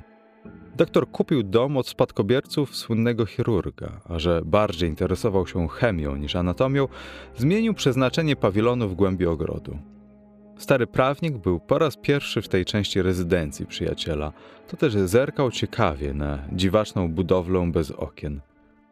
Kiedy zaś wszedł do posępnej, okrągłej sali, dziś wyludnionej, lecz w swoim czasie pełnej żądnych wiedzy studentów, podejrzliwie i z niesmakiem przyglądał się stołom załadowanym wszelkiego rodzaju aparaturą chemiczną. Podłodze zasypanej szczątkami skrzynek i słomą do pakowania, pociemniałej kopule, przez którą sączyło się blade światło. W głębi dawnego prosektorium proste schody wiodły do obitych czerwonym wojłokiem drzwi gabinetu doktora Jekylla. Był to przestronny pokój o trzech zakratowanych i zakurzonych oknach wychodzących na zaułek. Pod ścianami stały oszklone białe szafki, a z mebli pan Atterson zwrócił przede wszystkim uwagę na duże tremo i zwykły stół biurowy. Suty ogień płonął na kominku, nad nim zaś na półce stała zapalona lampa, bo gestniejąca wciąż mgła przenikała nawet do wnętrza domów. Doktor Jekyll siedział przy kominku. Sprawiał wrażenie człowieka śmiertelnie chorego. Na widok przyjaciela nie wstał, lecz podał mu lodowatą rękę i zmienionym głosem wyrzekł kilka słów powitania. I cóż, słyszałeś nowinę? Zagaił rozmowę prawnik, kiedy drzwi zamknęły się za kamerdynerem. Gazeciarze wrzeszczeli o niej na placu. Wzrygnął się doktor. Słyszałem z okien mojej jadalni. Przede wszystkim, Henryku, podjął pan Atterson. Karol był moim klientem. Ty jesteś nim również. Chcę wiedzieć, jak mam postępować. Nie oszalałeś chyba i nie ukrywasz zbrodniarza. Atterson. Zaklinam się na wszystko, co święte. Przysięgam w obliczu Boga, że póki życia nie spojrzę na tego człowieka, ręczę ci honorem, że skończyłem z nim raz na zawsze, ostatecznie. Wszystko przeszło, minęło. A zresztą, wcale mu niepotrzebna moja pomoc. Ty nie znasz go tak dobrze jak ja. Jest bezpieczny, absolutnie bezpieczny. Zapamiętaj sobie moje słowa. Świat nigdy więcej o nim nie usłyszy. Adwokat słuchał nachmurzony. Nie podobało mu się gorączkowe podniecenie przyjaciela. Widzę, że masz do niego zaufanie, rzekł wreszcie. Hm, przez wzgląd na ciebie mam nadzieję, że się nie mylisz. Gdyby jednak doszło do procesu, wypłynęłoby twoje nazwisko. Tak, jestem najzupełniej spokojny i mam po temu racje, których z nikim nie mogę dzielić, odparł dr Jekyll. Chciałbym jednak poradzić się ciebie w pewnej kwestii. Widzisz, mam. Otrzymałem list i zachodzę w głowę, czy powiedzieć o tym policji. Ale najlepiej przekażę ten list tobie i zdam się na twój rozumny osąd. Do nikogo na świecie nie mam większego zaufania. Obawiasz się zapewne, że list może ułatwić pochwycenie mordercy? zapytał adwokat. Nie, brzmiała zdecydowana odpowiedź. A zresztą nie obchodzą mnie dalsze losy Hajda. Skończyłem z nim raz na zawsze. Dbam tylko o własną opinię. Nie chciałbym być wmieszany w tę ohydną sprawę. Pan Atterson zadumał się na chwilę. Był trochę zdziwiony samolubstwem doktora, zarazem jednak doświadczył pewnej ulgi. Dobrze, powiedział wreszcie, pokaż no mi ten list. Charakter pisma był dziwaczny. Litery proste. U dołu kartki widniał podpis Edward Hyde. Morderca donosił zwięźle, że rozporządza niezawodnym, najzupełniej pewnym sposobem ucieczki, a jego dobrodziej, dr Henryk Jekyll, któremu od dawna tak niegodnie płaci za tysięczne łaski, może nie obawiać się o jego skórę. List rzucał na dziwaczną przyjaźń światło lepsze niż należało oczekiwać. To też stary prawnik doznał pewnej ulgi, a nawet wstyd mu się zrobiło. Niektórych dawnych podejrzeń. Masz kopertę? zapytał. Nim pomyślałem, co robię, zdążyłem ją spalić, odrzekł doktor Jekyll. Ale i tak nie miała stempla pocztowego. List doręczył posłaniec. Czy mam zabrać ten dokument i przechować bezpiecznie? Padło znów pytanie. Rób jak chcesz. Przestałem sobie ufać. Muszę się zastanowić, powiedział pan Utterson. A teraz Jekyll jeszcze jedno, to Hyde podyktował warunki testamentu, prawda? Chodzi mi o klauzulę o niewyjaśnionym zniknięciu. Doktor wzdrygnął się, jak gdyby był bliski omdlenia. Zacisnął blade wargi i bez słowa skinął głową. Hmm, wiedziałem o tym, mruknął adwokat. Oczywiście zamierzał cię zamordować. Cudem się wywinąłeś. To jeszcze nie wszystko, Atterson. To nie wszystko. Dostałem również nauczkę. Boże. Jęknął i na moment ukrył twarz w dłoniach. Dostałem straszną nauczkę. Potworną nauczkę. Wychodząc z domu przyjaciela, stary prawnik zmarudził chwilę i zamienił kilka słów z pulem. Aha. Dobrze, że sobie w porę przypomniałem, zagadnął służącego. Ktoś przyniósł dzisiaj list. Co to był za posłaniec? Ale Pól odpowiedział stanowczo, że nie odbierał żadnej korespondencji prócz kilku okulników nadesłanych pocztą. Niespodziewana wiadomość odnowiła najgorsze obawy pana Atersona. Niewątpliwie list trafił do domu przez drzwi laboratorium, a może nawet został napisany w gabinecie. Jeżeli było tak istotnie, całą sprawę należało głębiej przemyśleć i potraktować z wielką ostrożnością. W powrotnej drodze adwokat spotykał licznych gazeciarzy – którzy uganiając się po chodnikach, chrypali od wrzasku. Dodatek nadzwyczajny! Bestialskie morderstwo członka parlamentu! Pismo zawierało mowę pogrzebową poświęconą pamięci jego klienta i przyjaciela, a pan Atterson nie mógł opędzić się trwodze, że dobre imię drugiego zostanie wciągnięte w wir plugawego skandalu. Stary prawnik musiał powziąć ważną i drażliwą decyzję, to też, choć zazwyczaj polegał na własnym zdaniu, odczuł potrzebę rozumnej rady. O radę taką nie myślał jednak prosić wyraźnie, chciał ją złowić mimochodem. Wkrótce zasiadł wygodnie przed swoim kominkiem, a po drugiej stronie naprzeciwko pracodawcy zajął miejsce pan Gest, pierwszy dependent. Pomiędzy nimi, w odpowiedniej odległości, od ognia stała flaszka bardzo starego wina, które przez lata dojrzewało w mrocznej piwnicy domu pana Atersona. Leniwa mgła spowijała nadal skrzydłami ociekający wilgocią Londyn. Latarnie błyszczały niczym karbunkuły. Mimo chmur opadających na ziemię, odgłosy sunącego głównymi arteriami wielkomiejskiego życia nadciągały z dala, niby szum potężnego wichru. Ale w zacisznym pokoju przy kominku wesoło było i pogodnie. We flaszce młode kwasy stopniały od dawna, a szlachetny płyn zmienił cesarską purpurę na łagodniejszy odcień czerwieni. Podobnie jak witraże z upływem czasu nabierały bardziej pastelowych odcieni. Czar gorących jesiennych dni na porosłych winoroślą słonecznych wzgórzach dobywał się na wolność i rozpraszał gęste mgły Londynu. Stary prawnik rozpogadzał się bezwiednie. Nie było na świecie człowieka, przed którym miałby mniej tajemnic niż przed swoim dependentem.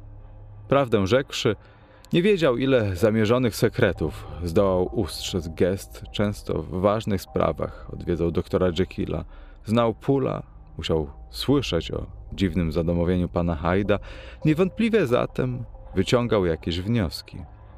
Czy wobec tego nie będzie najrozsądniej pokazać list zaufanemu pomocnikowi? Gest, znawca i wytrawny sędzia charakterów pisma będzie tym mile połechtany. A zresztą to człowiek z głową na karku, więc trudno sobie wyobrazić, by po przeczytaniu osobliwego dokumentu nie rzucił roztropnej uwagi, która może posłużyć za drogowskaz na przyszłość. Smutna sprawa z tym Sir Danversem Carew, rozpoczął pan Utterson. Istotnie, panie mecenasie, zgodził się gest, wzbudziła powszechny żal. Mordercą jest niewątpliwy wariat. Właśnie w tej kwestii pragnąłbym usłyszeć pańskie zdanie. Mam dokument skreślony ręką tego człowieka. Oczywiście to ściśle między nami, bo dotąd jeszcze nie wiem, jak postąpię. Cała historia jest co najmniej paskudna, ale oto list. Autograf zbrodniarza powinien pana zainteresować. Dependentowi oczy zajaśniały. Zerwał się z fotela, lecz zaraz usiadł i wziął się do wertowania listu pana Hajda.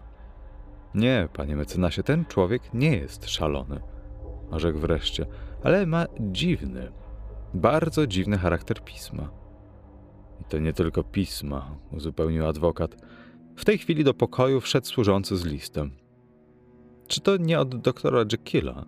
zapytał pan Gest. Zdawało mi się, że poznałem jego pismo. Coś poufnego, panie mecenasie? Skąd znowu? Tylko zaproszenie na obiad. Chce pan przeczytać? Poproszę, na momencik. Bardzo dziękuję, panie mecenasie. Z tymi słowy dependent położył ćwiartki papieru jedną obok drugiej i ją pilnie porównywać. Dziękuję, odezwał się po chwili, zwracając listy pracodawcy. Doprawdy, panie mecenasie, wyjątkowo interesujące autografy. Zapanowała cisza. Pan Atterson prowadził jakąś wewnętrzną walkę. Potem zapytał nagle: Panie Gest, dlaczego porównywał pan te listy? Ponieważ, panie mecenasie, odparł zagadnięty, dostrzegłem zdumiewające podobieństwa. Niektóre litery są niemal identyczne, tylko pisane inaczej pochylonym piórem. Zagadkowa historia, mruknął pan Atterson. Tak, panie mecenasie, dosyć zagadkowa, przyznał dependent.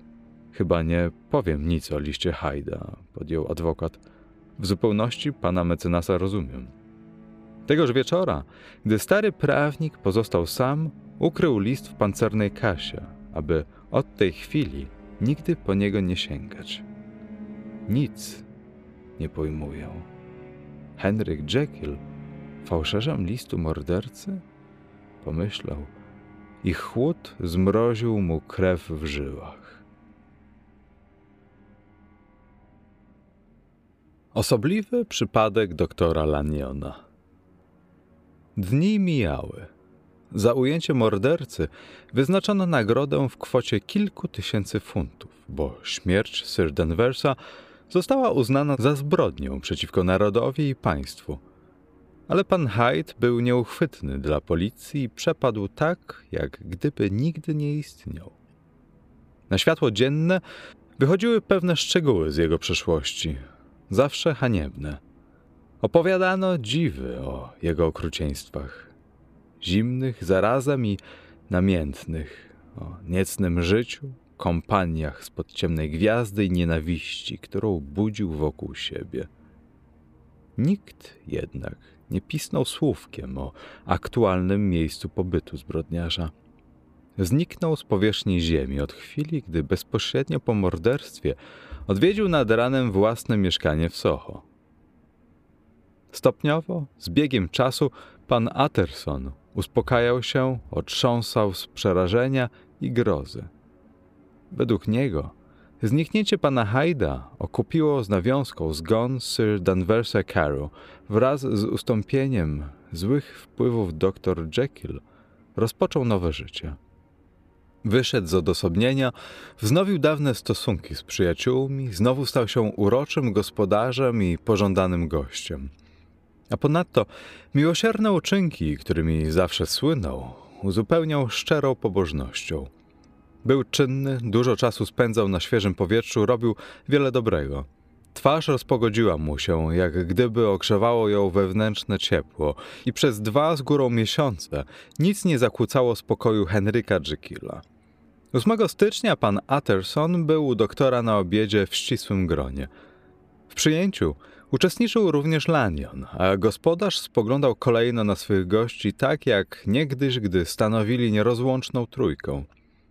12 i 14 stycznia starego prawnika nie wpuszczono do przyjaciela. Pan doktor nie wychodził od siebie, oznajmił Pól, i nikogo nie przyjmuje. 15 nie powiodła się trzecia próba, że adwokat przez ostatnie dwa miesiące przywykł do niemal codziennych spotkań z Jekyllem, zaniepokoił się nieoczekiwanym nawrotem samotnictwa. Nazajutrz wieczorem zaprosił na obiad pana Gesta, a następnego dnia wybrał się do doktora Laniona. Tam nie odprawiono go wprawdzie od drzwi, kiedy jednak zobaczył gospodarza, zdumiał się jego okropnie zmienionym wyglądem. Znakomity lekarz miał wypisany na twarzy wyrok śmierci. Zestarzał się nagle, schudł i wyłysiał, a jego pełna rumiana twarz pobladła i zmizerniała. Lecz te widmowe oznaki fizycznego wyniszczenia nie przeraziły pana Atersona tak bardzo jak wyraz oczu i zachowanie Laniona, świadczące o przerażeniu i duchowej rozterce. Adwokat nie podejrzewał przyjaciela o tak wielką obawę w obliczu śmierci. Doszedł jednak do wniosku, że to nic innego. Cóż, jest lekarzem, pomyślał. Zdaje sobie sprawę ze swego stanu i wie, że dni ma policzone. Widać to więcej niż znieść potrafi. Kiedy jednak napomknął coś o fatalnym wyglądzie, dr Lanion oznajmił z całym spokojem, że jest skazany na śmierć. Doznałem wstrząsu, rzekł, i nigdy nie przyjdę do siebie. Cóż to kwestia tygodni. Życie było przyjemne. Kochałem je, mój drogi. Tak, kochałem je dawniej.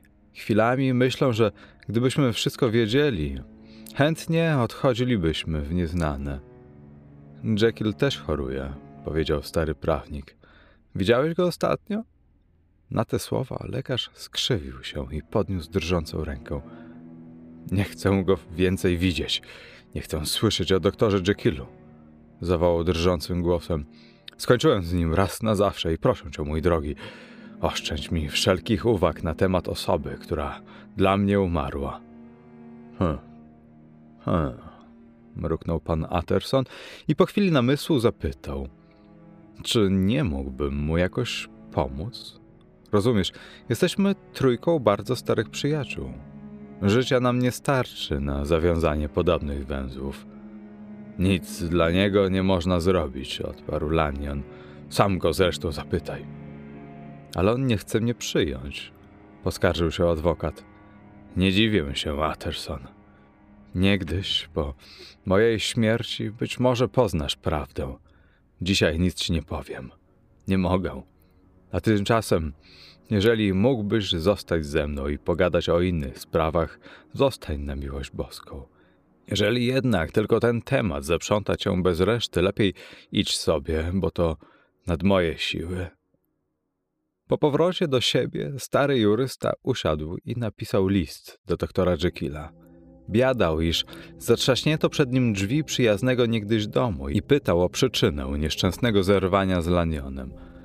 Następnego dnia otrzymał obszerną odpowiedź, naszpikowaną patetycznymi zwrotami, miejscami zupełnie niejasną – Nieporozumienie z Lanionem było nie do naprawienia. Nie winię naszego starego przyjaciela, pisał dr Jekyll. Wszelako podzielam jego opinię, iż nie powinniśmy się widywać. Od tej pory zamierzam wieść żywot w absolutnym odosobnieniu. Nie dziw się, proszę, i nie powątpiewaj o dawnej przyjaźni. Jeżeli drzwi mojej siedziby będą często zamknięte, nawet dla ciebie, musisz pozwolić mi kroczyć moją mroczną drogą. Z własnej winy ściągnąłem na siebie karę i niebezpieczeństwo, którego nie wolno mi nazwać. Jestem nie tylko arcygrzesznikiem, ale również arcycierpiętnikiem. Nie wyobrażałem sobie, że na tej ziemi znajdzie się miejsce dla tak potwornego bólu i strachu, a ty, drogi Atterson, możesz uczynić tylko jedno, by ulżyć trochę ciężkiej doli przyjaciela. Uszanuj moje milczenie. Adwokat był zaskoczony. Ponury cień Hajda zniknął. Jekyll wrócił do dawnych obyczajów i zamiłowań przed tygodniem. Przyszłość uśmiechała się do niego, wróżąc promienną i zacną starość. Jekyll wrócił do dawnych obyczajów i zamiłowań. Przed tygodniem przyszłość uśmiechała się do niego, wróżąc promienną i zacną starość. Tymczasem ów spokój ducha, pogoda i cały sens życia runęły w jednej chwili i bez uzasadnionego powodu.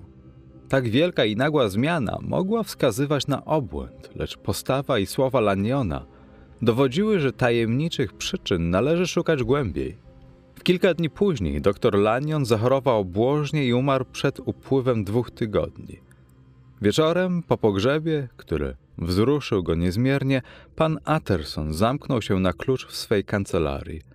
Siedział tam jakiś czas przy mdłym blasku świeczki, następnie zaś dobył i położył przed sobą kopertę adresowaną ręką i zalakowaną pieczęcią zmarłego przyjaciela. Poufne, do rąk własnych J.G. Attersona. W przypadku jego wcześniejszego zgonu spalić nie czytając. Należy przyznać, że ta instrukcja brzmiała groźnie, więc stary jurysta drżał na myśl o treści zawartego w kopercie dokumentu. Dziś pochowałem jednego przyjaciela, myślał, a to może mnie kosztować drugiego. Porzucił jednak obawy, które uznał za nielojalność i złamał pieczęć. Wewnątrz była druga koperta, również zalakowana i opatrzona napisem nie otwierać przed śmiercią lub niewytłumaczonym zniknięciem doktora Henryka Jekylla. Atterson nie wierzył własnym oczom. Niewytłumaczone zniknięcie. I tutaj, podobnie jak w szaleńczej ostatniej woli, od dawna zresztą zwróconej autorowi, niewytłumaczone zniknięcie łączyło się z osobą doktora Henryka Jekylla. Ale testament zrodził się w mrokach wyobraźni tego strasznego człowieka. Hajda. Cel był aż nadto przejrzysty i jasny. Jaki sens wszakże mają te same słowa pisane ręką doktora Laniona? Srogie pokusy opadły powiernika. Pragnął zlekceważyć zakaz i niezwłocznie sięgnąć do dna powikłanej tajemnicy, ale honor zawodowy i zaufanie zmarłego przyjaciela były wystarczającym hamulcem. To też koperta spoczęła na dnie pancernej kasy w najbardziej sekretnej skrytce. Inna sprawa pokonać ciekawość, inna przemóc ją całkowicie. Należy więc mniemać, że od owego pamiętnego dnia pan Atterson nie tak gorąco pragnął towarzystwa pozostałego przy życiu drucha. Myślał o nim życzliwie, lecz z niepokojem i obawą. Co prawda schodził doń w odwiedziny, lecz doznawał pewnej ulgi, gdy go nie przyjmowano. Wolał rozmawiać z Pulem na ganku, przy odgłosach wielkomiejskich gwarów, niż stanąć twarzą w twarz z dobrowolnym pustelnikiem zamkniętym w mrokach opustoszałego domu. Nowiny Pula nie były pocieszające. Doktor przesiaduje coraz więcej w gabinecie za laboratorium, a ostatnio często tam nawet sypia. Jest przygnębiony, milczący, nigdy nic nie czyta. Najwidoczniej gryzie się wewnętrznie i nad czymś rozmyśla – Hatterson przywykł do jednakich wciąż meldunków kamerdynera i stopniowo począł odwiedzać przyjaciela coraz rzadziej. Pod oknem. Podczas zwykłej niedzielnej przechadzki panowie Atterson i Enfield zawędrowali znowu na ową boczną uliczkę. Kiedy znaleźli się naprzeciw wiadomych drzwi, przystanęli nagle i obydwaj spojrzeli w ich kierunku.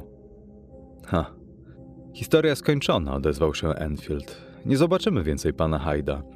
Mam nadzieję, odparł Utterson. Mówiłem ci kiedy, że go raz widziałem i że podobnie jak ty poczułem dziwną odrazę. Nie mogło się obejść bez tego, odpowiedział pan Enfield, ale ty musisz mnie uważać za kapitalnego osła. Nie domyśliłem się wtedy, że te drzwi to tylne wejście do rezydencji doktora Jekylla. Ba, nawet później odkryłem to po trosze z twojej winy. A więc dokonałeś odkrycia, zawołał stary prawnik. Ponieważ już się to stało, możemy skręcić w zaułek i spojrzeć w te okna. Prawdę mówiąc, bardzo się niepokoję o biednego Jekylla. Mam wrażenie, iż towarzystwo przyjaciela, bodaj przez ścianę, wyszłoby mu na dobre. Chociaż wysoko w górze niebo płonęło jeszcze słonecznym blaskiem, w wilgotnym, chłodnym zaułku panował cienisty półmrok. Środkowe z trzech okien było nieco uchylone. Za nim zaś siedział doktor Henryk Jekyll, smutny i zatroskany, niby więzień, co znikąd nie wygląda pociechy. O, Jekyll, zawołał zdziwiony adwokat. Jakże się cieszę, widzę, że ci lepiej. Gorzej, mój drogi, odparł sucholekarz. Nieporównanie gorzej. Chwała Bogu, niedługo już pociągnę. Za dużo przesiadujesz w domu, podjął Utterson. Trzeba spacerować, pobudzać krążenie krwi, jak my z panem Enfieldem. Pozwolisz, to mój kuzyn, Enfield. Doktor Jekyll, Ryszardzie. Rusz się, choćby zaraz. Weź kapelusz, chodź z nami. Zacny jesteś, westchnął doktor. Posłużyłaby mi przychadzka, ale... Nie, nie, nie, to niemożliwe. Za nic się nie odważę. Naprawdę, Atterson, miło mi, że cię widzę. Zrobiłeś mi wielką przyjemność. Chętnie poprosiłbym na górę ciebie i pana Enfielda, ale ta nora nie nadaje się do przyjmowania gości. W takim razie, odparł wesoło stary prawnik, nie mamy wyboru. Zostaniemy na miejscu i utniemy z tobą rozmówkę. O to właśnie zamierzałem panów prosić, powiedział lekarz i uśmiechnął się pogodnie. W tej chwili jednak uśmiech znikł i ustąpił miejsca wyrazowi takiej grozy i rozpaczy, że krew zastygła w żyłach dwóch przyjaciół stojących na dole. Twarz doktora widzieli przez mgnienie oka, bo okno opadło z trzaskiem, lecz to mgnienie wystarczyło w zupełności. Odwrócili się jak niemi opuścili mroczny zaułek. Idąc cichą uliczką, milczeli również i dopiero na pobliskiej arterii, która nawet w niedzielę pulsowała życiem, pan Atterson zerknął z ukosa na krewniaka i w odpowiedzi otrzymał spojrzenie pełne trwogi. Obydwaj byli śmiertelnie bladzi. Zmiłuj się, Boże Wszechmogący, jęknął stary prawnik. Zmiłuj się nad nami. Enfield smutnie pochylił głowę i szedł dalej bez słowa. Ostatnia noc. Pewnego wieczora pan Atterson wypoczywał po obiedzie przed kominkiem, gdy zaskoczyła go wizyta Pula. Słowo dają, Pul, co cię sprowadza? Zawołał, lecz przyjrzawszy się baczniej kamerdynerowi, dodał: Co się stało? Pan doktor chory? Panie mecenasie, odpowiedział służący, bardzo niewyraźna sprawa. Siadaj, masz tu kieliszek wina, nie śpiesz się. Powiedz wyraźnie, o co ci chodzi. Zna pan mecenas obyczaje doktora, podjął Pól. Wie pan, że zamyka się na cztery spusty. Otóż znowu zamknął się w gabinecie i, panie mecenasie, wcale mi się to nie podoba. Naprawdę wcale, boję się, panie mecenasie. Mój kochany, rzekł adwokat, uspokój się i mów wyraźnie. Czego się właściwie boisz? Boję się od jakiegoś tygodnia, odparł Pól, puszczając pytanie mimo uszu. Dłużej już nie wytrzymam. Wygląd wiernego sługi aż nadto potwierdzał jego słowa. Pól zachowywał się nerwowo i tylko raz, kiedy oznajmił panu Attersonowi o swym strachu, spojrzał mu w oczy. Siedział ponury, trzymając na kolanie nieruszony kieliszek wina i wpatrywał się uparcie w kąt posadzki. Dłużej nie wytrzymam, powtórzył. No, śmiało, Pól, podjął gospodarz. Widzę, że coś cię dręczy, że naprawdę stało się coś złego. Próbuj mi wytłumaczyć, o co właściwie chodzi. Myślę, że to nieczysta sprawa, bąknął kamerdyner. Nieczysta sprawa, krzyknął adwokat zdenerwowany własnym przestrachem. Jaka nieczysta sprawa? Co ten człowiek plecie? Nie bardzo mam odwagę prosić, jąkał kamerdyner, ale gdyby pan mecenas raczył pójść ze mną i, i przekonać się na własne oczy. W odpowiedzi pan Atterson wstał, chwycił płaszcz i kapelusz. Bardzo się zdziwił wyrazem ulgi, który ożywił zatroskaną twarz gościa, a jeszcze bardziej faktem, że wierny sługa odstawił nietknięty kieliszek. Noc była zimna, wieczna, prawdziwie marcowa. Sierp księżyca leżał na grzbiecie, jak gdyby obaliła go zawierucha, gnająca szybko strzępy białych, pierzastych obłoków. Wiatr porywał słowa i barwił policzki, a ponadto zdawać się mogło, zmiatał przechodniów. Pan Atterson nigdy nie widział równie wyludnionych ulic Londynu. Dokuczała mu ta pustka, bo był w nastroju, kiedy człowiek gorąco pragnie widoku i sąsiedztwa bliskich. Mimo wewnętrznej walki przytłaczała go brzemieniem świadomość nieszczęścia. Wicher hulał po placu, podnosił tumany pyłu, a cienkie drzewa na skwerku smagały żelazne ogrodzenie lub siebie nawzajem. Pól, który przez całą drogę wyprzedzał adwokata o parę kroków, zrównał się z nim teraz i, nie bacząc na kąśliwe zimno, zdjął kapelusz, aby czerwoną chustką osuszyć czoło. Chociaż szli szybko, nie była to rosa zmęczenia, lecz zimny pot bezbrzeżnej trwogi. Twarz miał trupobladą. Mówił srypniętym, przerywanym głosem. Panie mecenasie, jesteśmy na miejscu. Daj Boże, by nie czekało nas nic złego. Amen, dorzucił pan Atterson poważnym tonem. Kamerdyner zastukał cicho. W odpowiedzi uchyliły się drzwi zabezpieczone łańcuchem, a jakiś głos zapytał z wnętrza domu. Czy to pan, Pool? Ja, ja, otwieraj, prędzej. Hall był jasno oświetlony. Na kominku buchał suty ogień, a w jego kręgu cała służba. Kobiety i mężczyźni. Stała stłoczona, niby trzoda owiec. Na widok starego jurysty pokojowa zachlipała histerycznie, a kucharka wrzasnęła – Pan Atterson, chwalić Boga! I skoczyła naprzód, jak gdyby chciała porwać w ramiona wybawcę. Co się tutaj wyrabia? Rzucił gniewnie adwokat. Dlaczego wszyscy tkwicie w holu? Co za nieporządek, niesubordynacja. Na pewno wasz pan nie byłby zadowolony. Wszyscy się boją, bąknął Pól. Nastała głucha cisza, tylko pokojówka zaczęła głośniej szlochać. Milcz, głupia! Gromił ją kamerdyner z furią, świadczącą o zdenerwowaniu, lecz na donośny lament dziewczyny całe zgromadzenie poruszyło się i z grobowymi minami zaczęło zmierzać do drzwi w głębi holu. A teraz ciągnął pól, zwracając się do chłopca kredensowego. Podaj mi świecę. Trzeba z tym skończyć wreszcie. Następnie poprosił pana Attersona, by zechciał za nim pójść i wyprowadził gościa do ogrodu na tyłach domu. Panie mecenasie, mówił po drodze, proszę poruszać się możliwie jak najciszej. Chcę, żeby pan dobrze słyszał, nie będąc jednocześnie słyszanym. Jeszcze jedno. Gdyby przypadkiem on poprosił panu do gabinetu, niech pan mecenas za nic nie wchodzi. Ta nieoczekiwana przestroga tak wstrząsnęła nerwami pana Attersona, że biedak omal nie utracił równowagi ducha. Opanował się wszakże pewnym krokiem, wszedł za przewodnikiem do nieprzyjemnej budowli i przez stare prosektorium, zaśmiecone szczątkami skrzyni i butelkami, pośpieszył w kierunku schodów. Tam kamerdyner nakazał mu gestem, by stanął na uboczu i słuchał. Sam zaś postawił świecę i przywołując resztki odwagi, wszedł na stopnie.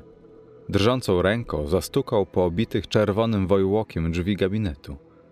Pan Atterson chciałby widzieć się z panem doktorem. Zawołał i jeszcze raz poprosił na migi, aby adwokat pilnie nastawił uszu. Powiedz panu Attersonowi, że nikogo nie mogę przyjąć. Odpowiedziano za drzwi żałosnym tonem. Dobrze, panie doktorze. W głosie Pula brzmiała nuta jak gdyby triumfu. Wierny sługa znów ujął świecę i przez podwórko zaprowadził adwokata do obszernej kuchni, gdzie ogień od dawna wygasł, a na podłodze mrowiły się karaluchy. Panie mecenasie, zapytał, spoglądając Atersonowi w oczy, czy to był głos mojego pana? W każdym razie bardzo zmieniony. Odparł zagadnięty i chociaż pobladł znacznie, nie odwrócił wzroku. Zmieniony, powtórzył kamerdyner. Dwadzieścia lat służby to trochę za dużo, bym się mógł mylić. Mojego pana tam nie ma. Coś się z nim stało. Zniknął tydzień temu. Wtedy słyszałem go ostatni raz. Wzywał imienia Bożego, płakał. A kto jest w gabinecie, panie mecenasie? Kto czy co? I dlaczego tam siedzi? To, panie mecenasie, coś, co woła o pomstę do nieba. Dziwna historia, Pól. Dziwna i szalona, mój drogi, odrzekł pan Atterson, przygryzając wargi. Załóżmy, że twoje domysły są słuszne, że doktor naprawdę, no powiedzmy, został zamordowany. Czemu jego zabójca pozostaje na miejscu? Nie, ten pomysł nie wytrzymuje krytyki. Sprzeciwia się zdrowemu rozsądkowi. Cóż, panie mecenasie, podjął kamerdyner, ciężko pana przekonać, ale myślę, że mi się uda. Trzeba panu wiedzieć, że ten czy to, co od tygodnia mieszka w gabinecie, po całych dniach i nocach dopomina się o jakieś lekarstwo i nic więcej. On, to znaczy mój pan, też miał zwyczaj wypisywać rozkazy i rzucać kartki na schody, ale zdarzało się to rzadko. A teraz przez okrągły tydzień nic tylko papier i papier. Nawet jedzenie, które zostawiam na stopniach pod samymi drzwiami, znika dopiero jak nikt nie patrzy. Proszę teraz uważać, panie mecenasie. Co dzień, ba, dwa albo trzy razy dziennie znajduję zamówienia albo reklamacje, jak głupi biegam po wszystkich hurtowniach aptecznych w Londynie. Niech tylko wrócę z tym medykamentem, zaraz znajdzie się polecenie, żeby go zwrócić, bo jest niezupełnie czysty, albo i zamówienie do jakiejś innej firmy. Nie wiem, po co, panie mecenasie, ale ten lek jest bardzo potrzebny w gabinecie. Masz może taki list? zapytał stary jurysta. Pól sięgnął do kieszeni i wręczył panu Attersonowi zmiętą kartkę. Ten zaś przysunął się do świecy i przy mdłym płomyku przeczytał. Doktor Jekyll przesyła panom Moe wyrazy szacunku i uprzejmie komunikuje, że dostarczona przez nich ostatnio próbka jest zanieczyszczona – nie nadaje się do zamierzonego celu. Przypominam, że w roku 1800 nabyłem u panów stosunkowo znaczną ilość tego samego środka. Obecnie zaś proszę gorąco o dołożenie wszelkich starań, by dostarczyć mi niezwłocznie, bodaj nieznaczną dozę poprzedniej jakości. Ze względu na wagę sprawy cena nie odgrywa roli. Do tego momentu list był stosunkowo spokojny. Dalej jednak widniał duży kleks, jak gdyby nerwy zawiodły piszącego i reklamacja kończyła się rozpaczliwym wykrzyknikiem.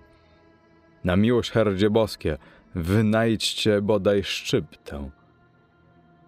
Osobliwy list, mruknął pan Atterson i zaraz dorzucił szorstko. Dlaczego otwarty? Subiekt od panów Moł zirytował się i rzucił mi w nos tę kartkę, objaśnił Pól. Niewątpliwie to pismo doktora, podjął adwokat. Jak sądzisz, Pól?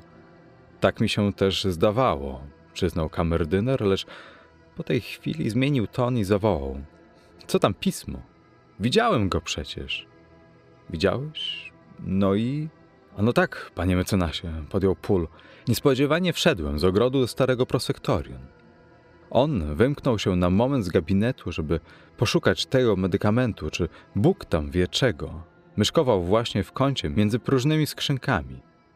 Jak mnie usłyszał, podniósł głowę, wrzasnął przeraźliwie i czmychnął na schody. Tylko drzwi trzasnęły. Ach, panie mecenasie, widziałem go przez chwilkę, ale to wystarczyło, żeby włosy stanęły mi dęba. Jeżeli to był mój pan, czemu Boga Ojca miał maskę na twarzy? Jeżeli to był mój pan, to dlaczego piszczał niby szczur i umykał przede mną? Długo mu przecież służę. A zresztą urwał nagle i dłonią przesunął po czole. Bardzo to wszystko zagadkowe, odparł stary jurysta. Wydaje mi się jednak, że zaczynam się domyślać. Posłuchaj, Pól. twój pan cierpi na jakąś okropną chorobę, co nie tylko torturuje, lecz również oszpeca chorego. Stąd, jak mniemam, zmiana głosu, maska na twarzy i unikanie przyjaciół. Stąd gorączkowe poszukiwanie leku, w który nieszczęśnik wierzy i spodziewa się całkowitego uleczenia. Daj Boże, by się nie łudził, daj Boże. Oto moje wnioski. Smutne, co prawda, i budzące trwogę, ale proste, naturalne, logiczne. Poza tym uwalniają nas od lęku przed zbrodnią lub czymś nadprzyrodzonym. Panie mecenasie, zawołał śmiertelnie blady kamerdyner, to, co widziałem, nie było wcale moim panem. Nie mam najmniejszej wątpliwości. Mój pan, tu obejrzał się trwożnie i począł mówić szeptem, był słusznego wzrostu, dobrze zbudowany, a tamto, pokurcz, karzeł. Pan Atterson próbował oponować, ale Pól krzyknął. Ach, panie mecenasie, myśli pan, że po dwudziestu latach służby mógłbym nie poznać doktora Jekylla? Że nie wiem, dokąd on sięga głową, kiedy mija drzwi gabinetu? Przez pół życia widywałem go nie raz i nie dwa razy na dzień. Nie, panie mecenasie, ten stwór w masce nie był moim panem. Bóg wie, co to takiego, ale na pewno nie doktor Jekyll. Głos serca wciąż mi mówi, że mój pan zamordowany. Jeżeli naprawdę jesteś takiego zdania, za obowiązek swój uważam rozwikłanie zagadki. Chciałbym uszanować wstyd i wolę twojego pana. Zbija mnie jednak z tropu list, który na pozór dowodzi, iż doktor Jekyll żyje. Mimo wszystko, jednak sumienie nakazuje mi wyważyć drzwi. Ach, panie mecenasie, zawołał kamerdyner, to racja, święta racja. Powstaje jednak kwestia, kto ma to zrobić, podjął pan Atterson. Jak to? Naturalnie pan mecenas ze mną. Słusznie, Pól. Pamiętaj, cokolwiek by się stało, moja głowa byś ty nie ucierpiał. W prosektorium jest siekiera, a pan może wziąć z kuchni pogrzebacz. Ożywił się wierny sługa. Pan Atterson wziął prymitywne, lecz ciężkie narzędzie i przez chwilę ważył je w ręku. Zdajesz sobie sprawę, Pól, zapytał, spoglądając słudze w oczy, że narażamy się na niebezpieczeństwo? No pewnie, pewnie, panie mecenasie. Dobrze, zatem, abyśmy byli ze sobą szczerzy, podjął stary jurysta. Obydwaj myślimy więcej niż mówimy. Zrzućmy ten ciężar. Powiedz mi otwarcie, czy poznałeś to tajemnicze stworzenie w masce? Widzi pan, mecenas. Uciekało co tchu i tak było zgięte, że przysiąc bym nie mógł, ale jeżeli pan zapyta, czy to był pan Hyde, odpowiem tak. Tak mi się przynajmniej zdawało. Cóż, wzrostem się nie różniło i miało takie same zwinne, lekkie ruchy. A zresztą, któż inny mógłby zakraść się przez drzwi laboratorium? Niech pan nie zapomina, że w dniu śmierci Sir Danversa Carew pan Hyde na pewno miał klucz przy sobie. Ale nie na tym koniec. Nie wiem, czy pan mecenas zetknął się kiedy z panem Hyde'em? Tak, odparł prawnik. Raz z nim rozmawiałem. A więc musi pan wiedzieć, podobnie jak my wszyscy, że tego człowieka otacza coś dziwnego, coś takiego, aż się zimno robi. Nie wiem, jak to wyrazić, panie mecenasie, ale ile razy go spotkałem, mrówki, chodziły mi po grzbiecie. Przyznaję, że ja również odczuwałem coś w tym sensie, mruknął pan Atterson. A, widzi pan mecenas. Otóż jak stworzenie w masce wyskoczyło z pomiędzy skrzynek i niby małpa czmychnęło do gabinetu, poczułem takie właśnie mrówki na plecach. Ach, panie mecenasie, wiem, że to żaden dowód. Przecież nie jestem zupełnym nieukiem, ale człowiek ma swoje przeczucia i gotówem przysiąc na Ewangelię, że to był pan Hyde. Tak, tak, powiedział adwokat. Od dawna obawiałem się czegoś w tym rodzaju. Zło leżało u fundamentów tej przyjaźni. Zło musiało z niej wyniknąć. Tak jest, Pól. Masz słuszność. Podejrzewam, że biedny Henryk zginął tragiczną śmiercią, a morderca, Bogu wiadomo dlaczego, zagnieździł się w pokoju ofiary. Nam powinna przypaść w udziale pomsta. Zawołaj Bradshawa. Lokaj stawił się wnet na wezwanie, chociaż blady był i roztrzęsiony. Trzymaj się, Bradshaw, powitał go adwokat. Niepewność dręczy was wszystkich. Dobrze to rozumiem. Obecnie jednak chcemy rozwikłać zagadkę. My z Pulem wyłamiemy drzwi gabinetu. Jeżeli wszystko okaże się w porządku, całą odpowiedzialność biorę na własne barki. Jeżeli jednak coś stało się naprawdę i złoczyńca będzie próbował ucieczki, trzeba temu zapobiec. Bradshaw, weź do pomocy chłopca kredensowego. Uzbroicie się w tęgie kije i zajmiecie posterunki na ulicy, przed drzwiami laboratorium. Daję wam na to 10 minut. Lokaj wyszedł, a pan Atterson spojrzał na zegarek. Nasza kolej, Paul, powiedział. Do roboty. Z tymi słowy ścisnął pod pachą pogrzebarz i pierwszy ruszył na podwórko. Tymczasem chmury przesłoniły księżyc i zrobiło się zupełnie ciemno. Nagłe podmuchy wiatru przenikały od czasu do czasu w głęboką studnię murów i, i chwiały płomieniami świecy. Prawie po omacku dwaj spiskowcy dotarli do starego prosektorium i tam usiedli, czekając właściwej pory. Z dala dochodził głuchy pomruk stolicy, lecz w bezpośredniej bliskości słychać było tylko odgłos szybkich, nerwowych kroków przemierzających gabinet tam i z powrotem. Cały dzień tak chodzi, panie mecenasie, szepnął Pól. Cały dzień i większą część nocy. Ustaje tylko na chwilę, jak nowa próbka leku przyjdzie z jakiejś apteki. Tak, tak. Nieczyste sumienie to najgorszy wróg spoczynku. Ach, panie mecenasie, w każdym tym kroku czuć krew. Niech pan dobrze posłucha. Czy to chód mojego pana? Echo powolnej przechadzki tam i z powrotem było dziwne, lekkie, jakieś nierytmiczne. Nie przypominało wcale odgłosu ciężkich, miarowych kroków doktora Henryka Jekylla. Atterson westchnął. Nie dobywają się stamtąd żadne inne odgłosy? Zapytał. Raz słyszałem płacz, odrzekł kamerdyner. Płacz? Jak to? Nagły dreszcz wstrząsnął starym jurystą. Zawodzenie, niby kobiety albo potępionej duszy. Wzięło mnie to za serce. Jak odchodziłem, samemu mi się chciało płakać. Tymczasem dziesięć minut dobiegło końca. Pól wygrzebał siekierą, spod stosu słomy i na najbliższym stole ustawił świecę, by im było jasno w czasie ataku. Obydwaj wstrzymali dech i postąpili w stronę drzwi, za którymi wciąż zakłócał ciszę nocną szelest przechadzki, tam i z powrotem, tam i z powrotem. Jekyll, chcę się z tobą widzieć, zawołał donośnie adwokat i umilkł na moment, lecz nie otrzymał odpowiedzi. Ostrzegam lojalnie. Mamy uzasadnione powody do obaw. Chcesz czy nie chcesz, musimy się zobaczyć. Zgodzisz się na to lub użyjemy siły. Atersonie, odpowiedział płaczliwy głos. Ulituj się na miłosierdzie boskie. Ha, to nie głos Jekylla, lecz Hajda, krzyknął adwokat. Do drzwi, pól! Kamerdyner zamachnął się potężnie. Cios wstrząsnął starą budowlą, obite czerwonym filcem drzwi podskoczyły na ryglu i zawiasach. W gabinecie rozbrzmiał zwierzęcy wrzask śmiertelnej trwogi. Siekiera wznosiła się i opadała cztery razy.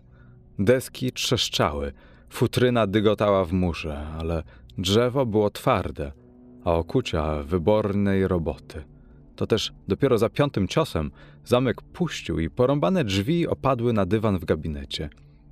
Zdobywcy, jak gdyby oszołomieni krótkotrwałym hałasem i ciszą, która nagle zapanowała, cofnęli się i trwożnie zajrzeli do środka.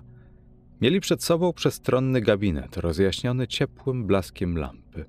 Ogień tańczył i huczał na kominku. Czajnik nucił cieniutkim głosikiem, opodal zaś czekała zastawa do herbaty. Parę szuflad było otwartych. Na biurku papiery leżały w doskonałym ładzie. Zacisznie i przytulnie. Gdyby nie oszklone szafki pełne medykamentów, rzekłbyś najzwyklejszy pokój, jakich nie brakuje w Londynie. Po środku leżał mężczyzna, drgający jeszcze i dziwacznie powykręcany. Pan Atterson i Poole zbliżyli się na palcach. Odwrócili ciało na wznak i spojrzeli w twarz Edwarda Hyda. Miał na sobie ubranie o wiele za duże. Miary doktora Jekylla. Mięśnie twarzy poruszały się, stwarzając pozór życia, lecz życie opuściło już ów kształt ludzki. Zgnieciona fiolka w dłoni, silny zapach gorzkich migdałów unoszący się w powietrzu powiedziały staremu juryście, iż ogląda zwłoki samobójcy. Za późno na ratunek lub karę, orzekł poważnie pan Atterson. Hyde odszedł, by zdać sprawę z żywota. Pozostaje nam jedno: odszukać ciało twojego pana. Stara budowla składała się właściwie z dwóch pomieszczeń. Prawie cały parter zajmowało oświetlone z góry prosektorium. Gabinet zaś stanowił w głębi półpiętro i miał trzy okna z widokiem na zaułek. Z prosektorium do drzwi na boczną uliczkę wiódł korytarz połączony schodkami z drugim wejściem gabinetu. Ponadto było tylko kilka ciemnych schowków i przestronna piwnica. Nie marnując czasu, adwokat i kamerdyner jęli przetrząsać te zakątki. Ze schowkami skończyli szybko, gdyż stały pustką, a pył podnoszący się przy otwieraniu drzwi dowodził, że nikt nie zaglądał tam od dawna. W piwnicy leżały wprawdzie stosy rupieci, przeważnie z czasów znakomitego chirurga, poprzednika doktora Jekylla, ale misterna sieć pajęczyn niewątpliwie od lat pieczętowała wejście, a więc dalsze poszukiwania nie miałyby sensu. Nigdzie nie było śladu pana domu, żywego ani umarłego. Pól tupnął w kamienną posadzkę korytarza i mruknął, nasłuchując echa. Tutaj musi być pogrzebany. Albo uciekł, dodał adwokat i zbliżył się do drzwi wiodących na boczną uliczkę, by obejrzeć je z bliska. Były zamknięte. W pobliżu na kamiennej płycie leżał klucz pokryty już. Bo od dawna nikt go nie używał, powiedział pan Atterson. Używał, powtórzył kamerdyner niby echo. Nie widzi pan mecenas, że złamany? Zupełnie jak gdyby go ktoś przygniótł obcasem. Aha, zdziwił się adwokat i nawet na pęknięciu zdążył zardzewieć. Nic nie pojmują, pól. Wracajmy do gabinetu. Wymienili pełne lęku spojrzenia. Bez słowa weszli na schodki i zerkając od czasu do czasu na nieruchome już zwłoki, poczęli dokładniej przetrząsać gabinet. Na jednym ze stołów zauważyli kilka szklanych spotków z rozmaitymi dozami białego proszku. Wyglądało to tak, jak gdyby nieszczęsny doktor Jekyll nie zdążył skończyć jakiegoś doświadczenia chemicznego, jak gdyby coś mu przeszkodziło. To ten sam lek, który mu ciągle znosiłem, powiedział Pól. W tej chwili czajnik zagotował się i począł głośno syczeć, co zwabiło poszukiwaczy w stronę kominka. Wygodny fotel przysunięto blisko ognia, nieco dalej, lecz w zasięgu ręki czekała gotowa zastawa. Nawet cukier był już w filiżance. Na półce stało kilka książek, jedna zaś otwarta na stoliczku z przyborami do herbaty. Pana Atersona zdumiały straszliwe bluźnierstwa wypisane ręką pana domu na marginesach, dzieła teologicznego, o którym dr Jekyll wyrażał się z uznaniem. Dalsze poszukiwania zawiodły pod tremo. Pan Atterson i Poole z mimowolną trwogą spojrzeli w głąb zwierciadlanej tafli. Była jednak tak nachylona, że zobaczyli tylko różowy odblask na suficie, tysiączne iskry migoczące w szybach i lakierowanym drewnie szafek oraz własne, blade, przejęte grozą twarze. Panie mecenasie, szepnął kamerdyner, dziwne rzeczy widziało to lustro. Ale nie dziwniejsze niż ono samo, odszepnął pan Atterson. Policha. Urwał, jak gdyby mu tchu zabrakło, lecz rychło przemógł słabość. Policha było tu potrzebne Jekyllowi. Racja, panie mecenasie, racja, zawołał służący. Następnie przyszła kolej na biurko, gdzie na stosie porządnie ułożonych papierów znalazła się duża koperta zaadresowana ręką doktora Jekylla do pana G. J. Attersona. Adwokat złamał pieczęć i zawartość koperty wysypała się na dywan. Pierwszy arkusz był ostatnią wolą zredagowaną równie dziwacznie jak poprzednia, zwrócona autorowi przed pół rokiem. Była tam także mowa o śmierci lub niewytłumaczonym zniknięciu, lecz na miejscu Edwarda Hyda widniało nazwisko Gabriela Johna Attersona. Stary jurysta zdumiał się niezmiernie. Spojrzał na Pula, potem na trzymany w ręku papier, wreszcie w stronę rozciągniętego na dywanie złoczyńcy. W głowie się męci, mruknął. Hyde gospodarował tu przez kilka dni. Nie miał powodu, by mnie kochać. Musiał się wściekać, że został wydziedziczony, a mimo to nie zniszczył dokumentu. Następna ćwiartka papieru zawierała kilka słów skreślonych pismem doktora i u góry opatrzona była datą. Ach, Pól, twój pan żył jeszcze dzisiaj, był w tym pokoju. Niepodobna uprzątnąć trupa w tak krótkim czasie. Musi być cały. Na pewno umknął, ale dlaczego? Jak? Dokąd? I czy w takim przypadku można uważać to, wskazał zwłoki na dywanie, za samobójstwo? Ach, bądźmy ostrożni, Pól, bo nie daj Boże, wciągniemy twego pana w okropne nieszczęście. Ale pan mecenas nie przeczytał jeszcze listu, powiedział Pól. Boję się, brzmiała odpowiedź, oby bez uzasadnionego powodu. Z tymi słowy przebiegł wzrokiem kilka wierszy i później przeczytał głośno: Drogi Atersonie, kiedy ten list znajdzie się w Twoich rękach, mnie już nie będzie.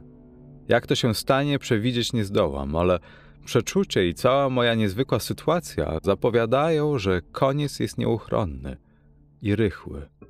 Proszę cię, przeczytaj najprzód zeznanie, które zgodnie z zapowiedzią Laniona powierzone zostało przez niego Twojej pieczy.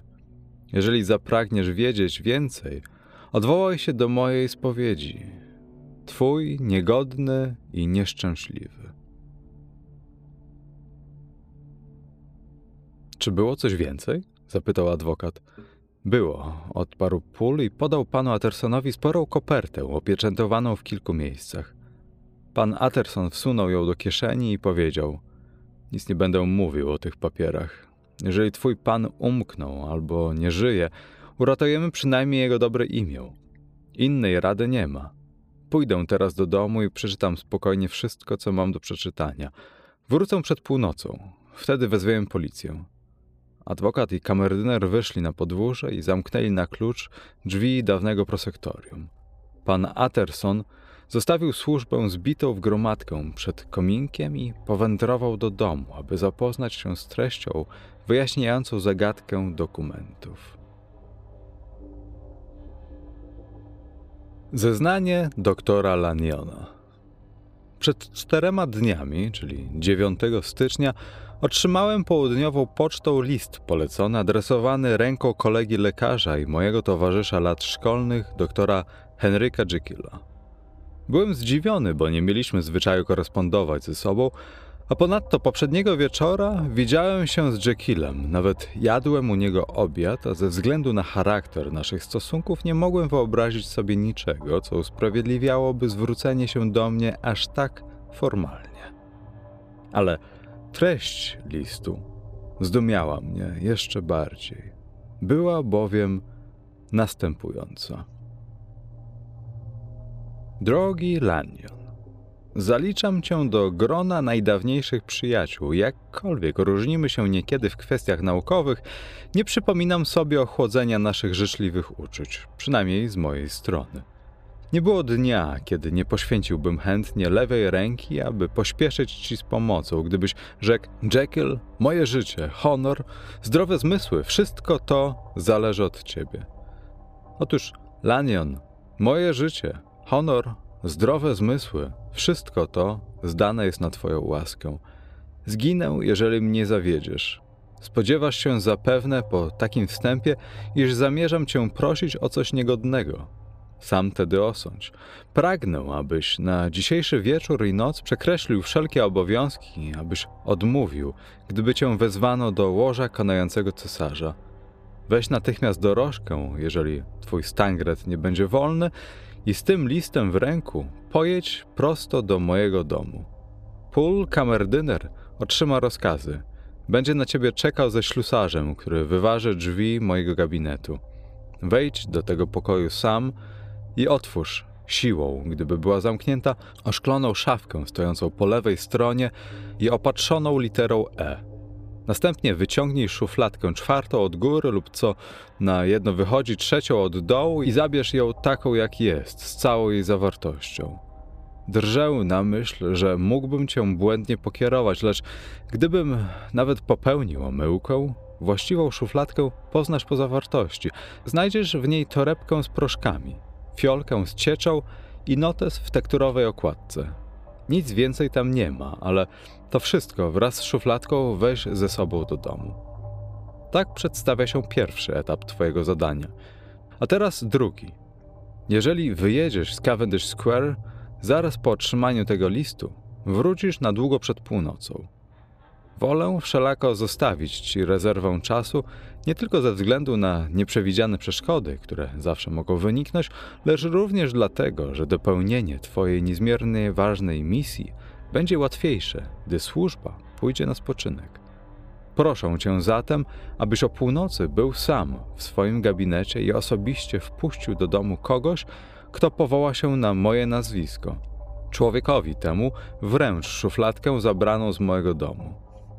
Wówczas spełnisz do końca moje życzenie i zyskasz dozgonną wdzięczność przyjaciela. Jeżeli natomiast zażądasz bliższych wyjaśnień, w ciągu pięciu minut zrozumiesz, że wszystko, o co cię proszę, ma kapitalne znaczenie, chociaż na pozór wydaje się niedorzecznością, że zaniedbanie najdrobniejszego szczegółu mogłoby obciążyć twe sumienie śmiercią lub nieuleczalnym obłędem starego drucha. Nie zlekceważysz mojej prośby. Wierzę w to głęboko, lecz na samą myśl o takiej możliwości ręka mi drży i serce zamiera w piersi. Czytając mój list, wyobraź sobie, iż w tej właśnie chwili znajduję się w jakimś nieznanym, ponurym miejscu, iż targa mną niewysłowiona rozpacz i obawa. Zarazem jednak jestem pewien, że jeżeli wykonasz wszystko ściśle i we właściwej porze, moja udręka przeminie niby opowiedziana bajka. Pomóż, drogi Lanionie, wybaw starego przyjaciela. P.S. Zapieczętowałem już kopertę, lecz nawiedziła mnie nowa obawa. Może się zdarzyć, że poczta sprawi zawód i list otrzymasz dopiero jutro rano. W takim razie, drogi Lanionie, pierwszą część mojej prośby spełnij w ciągu dnia, kiedy ci będzie najwygodniej, a posłańca czekaj o północy. Może już być za późno. Jeżeli więc nikt nie przyjdzie, wiedz, że nie ujrzysz nigdy Henryka Jekylla. Po przeczytaniu tego listu byłem zdania, że doktor Jekyll oszalał. Nie mając jednak absolutnej pewności, zastosowałem się do dziwacznej prośby. Uważałem to za święty obowiązek, bo im bardziej niezrozumiale przedstawiała się moja rola, tym trudniej było ocenić jej wagę, a zlekceważenie tak sformułowanego błagania obciążyłoby mnie zbyt poważną odpowiedzialnością. Wobec tego wstałem od stołu, wsiadłem w pierwszą dorożkę i kazałem się zawieźć do Jekylla. Kamerdyner oczekiwał mojej wizyty. Tą samą pocztą otrzymał list polecony i niezwłocznie posłał po ślusarza i cieślę. Nie skończyliśmy jeszcze wstępnej rozmowy, gdy nadeszli obaj rzemieślnicy i razem udaliśmy się do prosektorium nieboszczyka, doktora Denmana, skąd, jak ci niewątpliwie wiadomo, jest najłatwiejszy przystęp do gabinetu. Drzwi były mocne, zamek znakomitej roboty – Cieśla zaklinał się, że będzie miał moc kłopotów i narobi szkody, jeżeli użyje siły. Ślusarz był bliski rozpaczy, lecz okazał się człowiekiem zręcznym i po dwóch godzinach poradził sobie jakoś z zamkiem. Szafka oznaczona literą E nie była zamknięta. Wyciągnąłem szufladkę, utknąłem słomą, owinąłem w papier i wróciłem na Cavendish Square. W domu wziąłem się zaraz do badania jej zawartości. Proszki wykonano dość starannie, lecz daleko im było do aptekarskiej precyzji. Domyśliłem się więc, że to robota samego Jekylla. Kiedy rozwinąłem jeden z papierków, znalazłem w nim sól białą krystalicznej budowy. Z kolei zająłem się fiolką. Mniej więcej do połowy napełniał ją płyn krwisto-czerwonej barwy, cuchnący bardzo niemile, jak gdyby fosforem, eterem siarczanym i jeszcze czymś, czego nie mogłem rozpoznać. Notes nie odznaczał się niczym osobliwym. Zawierał długi szereg dat, które pokrywały wieloletni okres i urywały się nagle przed niespełna rokiem. Tu i ówdzie zauważyłem przy datach krótkie notatki. Podwójna dawka powtarzało się sześć razy na kilkaset wniesionych pozycji. Na samej górze kolumny napisano raz zupełna klapa z kilkoma wykrzyknikami – bardzo mnie to wszystko zaciekawiło, lecz wyjaśniało niewiele. Miałem przed sobą fiolkę jakiejś mikstury, biały proszek w papierkach i notatki tyczące doświadczeń, które, jak i inne pomysły Jekylla, nie wiodły zapewne do żadnego praktycznego celu. Jakim cudem sprowadzenie tych rzeczy do mojego domu mogło wpłynąć na honor, stan władz umysłowych czy nawet życie tego dziwaka? Jeżeli jego posłaniec może zgłosić się do mnie, może równie dobrze pójść w każde inne miejsce, a jeżeli nie, to dlaczego mam go przyjmować w tajemnicy? Im dłużej się zastanawiałem, tym mocniej byłem przekonany, że w grę wchodzi choroba psychiczna. Kiedy więc służba udała się na spoczynek, naładowałem rewolwer, by na wszelki wypadek mieć się czym bronić. Londyńskie zegary wybiły wreszcie północ i umilkły. W tej chwili kołatka poruszyła się ledwie dosłyszalnie – sam poszedłem do drzwi i na ganku zastałem niskiego mężczyznę, który przycupnął między kolumnami. Od doktora Jekylla? zapytałem. Przyświadczył nerwowym gestem, a kiedy zaprosiłem go do środka, podejrzliwie zerknął za siebie. W pobliżu ukazał się policjant, który nadchodził ze ślepą latarką.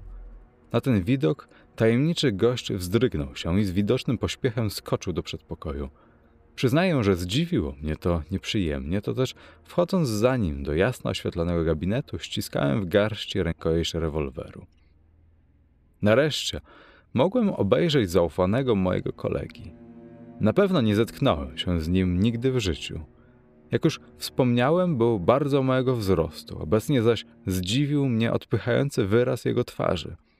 Niezmierna ruchliwość, może nawet siła przy budowie na pozór chudorlawej i wątłej. Jego sąsiedztwo budziło osobliwy, niezrozumiały wstręt, któremu towarzyszył niepokój i wyraźnie wzmożone tętno. Zrazu sądziłem, że to mimowolna, nieuzasadniona odraza i zaniepokoiło mnie tylko jej natężenie. Wkrótce jednak doszedłem do wniosku, że przyczyn tego zjawiska należy szukać głębiej, gdyż nie była to zwykła nienawiść, lecz coś, co tkwi w naturze mego niezwykłego gościa. Człowieków od pierwszej chwili wzbudził on we mnie uczucie, które najlepiej chyba nazwać ciekawością zabarwioną obrzydzeniem. Odziany był tak, że zwykły śmiertelnik wyglądałby na jego miejscu groteskowo. Miał na sobie ubranie z drogiego i gustownego materiału, lecz o wiele za obszerne. Szerokie spodnie wisiały na cienkich nogach i były zawinięte u dołu, bo inaczej wlokłyby się po ziemi. Stan surduta sięgał niżej bioder, a kołnierz leżał rozpostarty na ramionach. Ale ten komiczny strój bynajmniej nie wywoływał śmiechu, gdyż pasował do ogólnego wrażenia, jakie sprawiał jego właściciel. Osobnik dziwny, odrażający, nieludzki i pogłębiał jedynie niechęć zrodzoną od pierwszego wejrzenia. Obecnie interesowałem się nie tylko osobliwą postacią i cechami charakteru swego gościa. Zaciekawiło mnie również jego pochodzenie, życie pozycja. Opis tych obserwacji pochłonął wiele miejsca i czasu w istocie, była to jednak kwestia sekund. Posłaniec doktora Jekylla nie panował nad posępnym wzburzeniem. Ma pan! krzyknął. Ma pan wszystko! Niecierpliwość jego była tak wielka, że ośmielił się położyć mi dłoń na ramieniu i siłował mną potrząsnąć. Odepchnąłem go i nagle zdałem sobie sprawę, że to zetknięcie przejęło mnie lodowatym dreszczem. Bardzo przepraszam, powiedziałem. Szanowny pan zapomina, że ja dotąd nie mam przyjemności znać szanownego pana. Proszę łaskawie usiąść. Dałem mu dobry przykład, zajmując swoje zwykłe miejsce, jak gdybym przyjmował pacjenta. Starałem się też o zupełnie naturalny ton i zachowanie. Oczywiście w granicach, na jakie pozwalała spóźniona pora, natłok dziwnych myśli i bezwiedny lęk przed tym osobliwym człowiekiem. Proszę mi wybaczyć, panie doktorze, odparł dość uprzejmie. Ma pan w zupełności rację. Jestem niegrzeczny, ale to wszystko zdenerwowanie. Przyszedłem tutaj na prośbę pańskiego kolegi doktora Jekylla. W sprawie, o ile wiadomo, wielkiej wagi. Chodzi... Urwał i podniósł dłoń do gardła. Widać było, że mimo pozorów opanowania zmaga się rozpaczliwie z nadchodzącym atakiem histerii. Chodzi o... jakaś... jakaś... szuflada. Ulitowałem się nad jego męką i potroszę zapewne nad własną ciekawością. Oto ona, proszę pana, rzekłem i wskazałem stojącą za biurkiem szufladę, wciąż jeszcze owiniętą w papier. Skoczył w jej stronę, lecz na chwilę przystanął, chwytając się za serce. Wyraźnie słyszałem, jak zgrzyta zębami, a kiedy spojrzałem na niego, zobaczyłem twarz śmiertelnie bladą, wykrzywioną upiornie. Zatrwożyłem się o życie czy zdrowe zmysły swego gościa. Spokoju, trochę spokoju, powiedziałem. Odwrócił się, uśmiechnął okropnie, jak gdyby podejmując rozpaczliwą decyzję, zerwał papier z szufladki. Na widok jej zawartości dobył mu się z gardła szloch tak niezmiernej ulgi, że ze zdumieniem skamieniałem w swym fotelu. Nim zdążyłem przytomnieć, zapytał całkiem opanowanym głosem: Ma pan menzurkę? Dźwignąłem się nie bez wysiłku i podałem mu żądane naczynko. Podziękował mi skinieniem głowy i uśmiechem. Później odmierzył kilka kresek szkarłatnego płynu i wsypał do menzurki jeden proszek. Mieszanina rdzawa zrazu poczęła jaśnieć, w miarę jak rozpuszczały się kryształki, jednocześnie zaś burzyła się głośno i strzelała bańkami gazu. Nagle objawy te ustały, a ciecz zmieniła kolor na ciemno-purpurowy, by po niejakim czasie zabarwić się zielono, niby woda w stawie. Wówczas mój gość, który od początku śledził bacznym okiem wszystkie przemiany, wykrzywił się w uśmiechu i powiedział, spoglądając na mnie bystro: Pora teraz na ostateczne wyjaśnienie. Czy będziesz rozumny, ostrożny, przezorny i bez dalszej rozmowy pozwolisz mi zabrać to naczynie i dom twój opuścić na zawsze? Czy też zbyt możnie włada tobą ciekawość? Zastanów się, nim odpowiesz, bo postąpię tak, jak będziesz sobie życzył, albo zostaniesz jak dawniej niemądrzejszy, a bogatszy tylko o tyle, o ile przysługę oddaną bliźniemu w śmiertelnym niebezpieczeństwie można uważać za wzbogacenie duszy. Albo, jeżeli wolisz, nowe dziedziny wiedzy, nowe drogi do sławy i potęgi staną przed tobą otworem. Tu, za chwilę, w tym pokoju. Na własne oczy możesz oglądać cud, który wstrząśnie od podstaw twoją niewiarą w szatana. Panie, odrzekłem z udanym chłodem, chociaż płonąłem wewnętrznie. Mówisz zagadkami i nie dziwi cię pewnie, gdy powiem, że daleki jestem od wiary w twoje słowa. Zbyt długo jednak kroczę drogą niezrozumiałych przysług, by nie oglądać zakończenia. Zgoda, odparł mój gość, Lanian. Pamiętaj o złożonych ślubach. Wszystko, co ujrzysz, musi spocząć pod pieczęcią tajemnicy zawodowej, a teraz ty coś tak długo hołdował najbardziej ciasnym, przyziemnym poglądom, coś nie uznawał medycyny transcendentalnej, coś szydził z lepszych od siebie. Spójrz. Przyłożył menzurkę do ust i zawartość jej wypił jednym haustem. Potem wstrząsnął okropnie, zatoczył się, zwinął, chwycił kurczowo stołu, wybołuszył oczy i otwartymi ustami począł chwytać oddech. Nie mogłem oderwać odeń wzroku i po chwili dostrzegłem dziwne, szybko zachodzące przemiany. Mój gość, jak gdyby rósł i pęczniał. Twarz mu pociemniała, rysy zacierały się, zmieniały i zerwałem się z biurka. Uskoczyłem pod ścianę i opanowany straszliwą grozą wyciągnąłem ręce, by zasłonić się od cudu. Wielki Boże! krzyknąłem. Wielki Boże! Wielki Boże! Na nic innego zdobyć się nie mogłem. Przede mną stał Henryk Jekyll. Blady, drżący, bliski omdlenia, szukał drogi omackiem, niby człowiek, co powstał z grobu. Ale był w moim gabinecie. Widziałem go na własne oczy. Tego, co wyznał mi w ciągu najbliższej godziny, nie odważał się przenieść na papier. Widziałem, słyszałem i dusza we mnie zaniemogła. Ale dziś, kiedy wszystko przeminęło, pytam sam siebie, czy w to wierzę, i nie mogę zdobyć się na odpowiedź. Moje życie zostało wstrząśnięte do głębi, sen mnie opuścił, a blady strach nie odstępuje za dnia i w nocy. Czuję, że dni mam policzone muszą umrzeć, ale ze światem rozstanę się pełen wątpliwości. Bez upiornej zgrozy nie potrafią wspomnieć bagna zgnilizny moralnej, które ten człowiek mi odkrył, chociaż wtajemniczając mnie ronił łzy pokutne. Na zakończenie dodam coś, co wstrząśnie tobą, Wattersonie. Jeżeli oczywiście zdołasz mi uwierzyć, stwór, który w owej nocy zakradł się pod mój dach, był według wyznań samego Jekylla znany pod nazwiskiem Hyda. Mordercy Sir Danversa Carew, tropionego dziś jak Anglia długa i szeroka. Pełna spowiedź Henryka Jekylla. Przyszedłem na świat w roku 1800, a przyniosłem ze sobą nie tylko prawo do znacznej fortuny, lecz również nieprzeciętne zdolności, pracowitość, uczciwość oraz chęć, by budzić życzliwy szacunek ludzi mądrych i dobrych. Należało się więc spodziewać, iż czeka mnie obiecująca i zaszczytna przyszłość.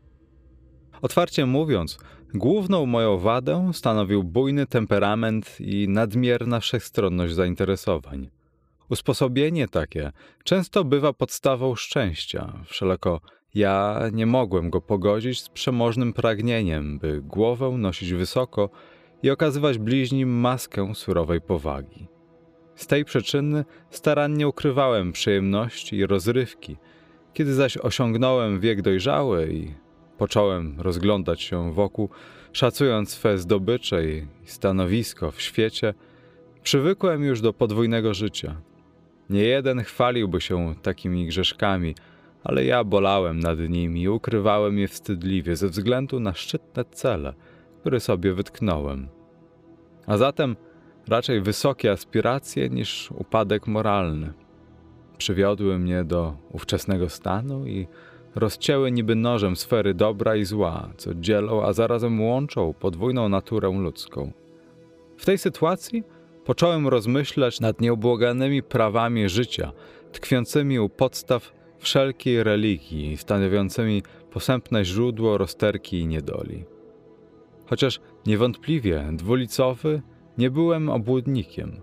Obie moje połowy postępowały najzupełniej szczerze. Byłem sobą, gdy zerwawszy tamy, nurzałem się w brudzie. Byłem sobą, gdy w jasnym świetle dnia pracowałem nad postępami nauki lub niosłem ulgę cierpieniom i nędzy. Badania prowadziłem wyłącznie w dziedzinie zjawisk metafizycznych i tak się złożyło, że rozwój ich rzucił potężny snop światła na tę stałą wewnętrzną walkę toczoną przez moje dwie połowy. Z dnia na dzień moralna, intelektualna świadomość zbliżała mnie do prawdy, której częściowe poznanie stało się później powodem straszliwej katastrofy. Doprawdy, że człowiek to nie jedna, ale dwie istoty.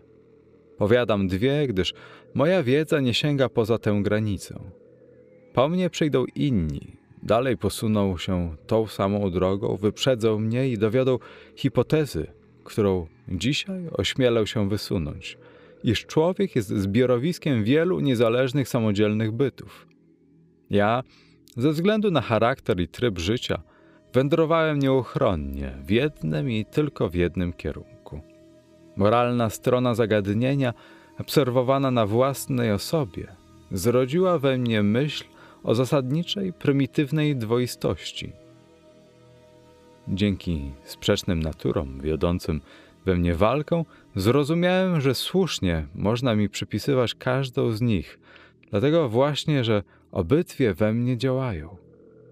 Daleki jeszcze byłem od naukowych odkryć, które uprzytomniły mi realną możliwość takiego cudu. Często jednak roiłem na jawie, iż zabawiałem się myślą o rozłączeniu przeciwstawnych elementów. Gdyby każda z moich dwóch natur mogła zamieszkać w niezależnym ciele, myślałem sobie, życie uwolniłoby się od tego, co jest nie do zniesienia. Człowiek zły szedłby własną drogą, niedręczony wyrzutami sumienia szlachetniejszego bliźniaka. Dobry kroczyłby prostą ścieżką cnoty i radował się zacnymi uczynkami, nie cierpiąc i nie pokutując za grzechy nierozdzielnej z nimi występnej cząstki. Przekleństwo ludzkości polega więc na tym, że dwie sprzeczne natury są ze sobą na wieki złączone, że w otchłani dręczonego sumienia muszą toczyć tragiczne, niekończące się boje. Jak je rozdzielić? Na to pytanie nie znajdowałem odpowiedzi. W takim stanie rozważań abstrakcyjnych promień światła padł nagle z laboratoryjnego stołu. Uprzytomniłem sobie tak jasno jak nikt przede mną dziwną niematerialność, jak gdyby mglistą zwiewność tej na pozór solidnej powłoki, którą odziani wędrujemy po ziemi.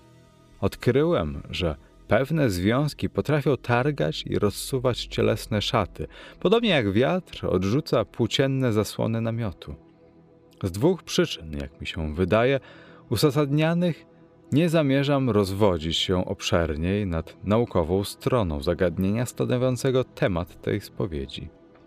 Po pierwsze, stwierdziłem, że brzemię życia musi przytłaczać ludzkie barki, kiedy zaś człowiek próbuje je zrzucić.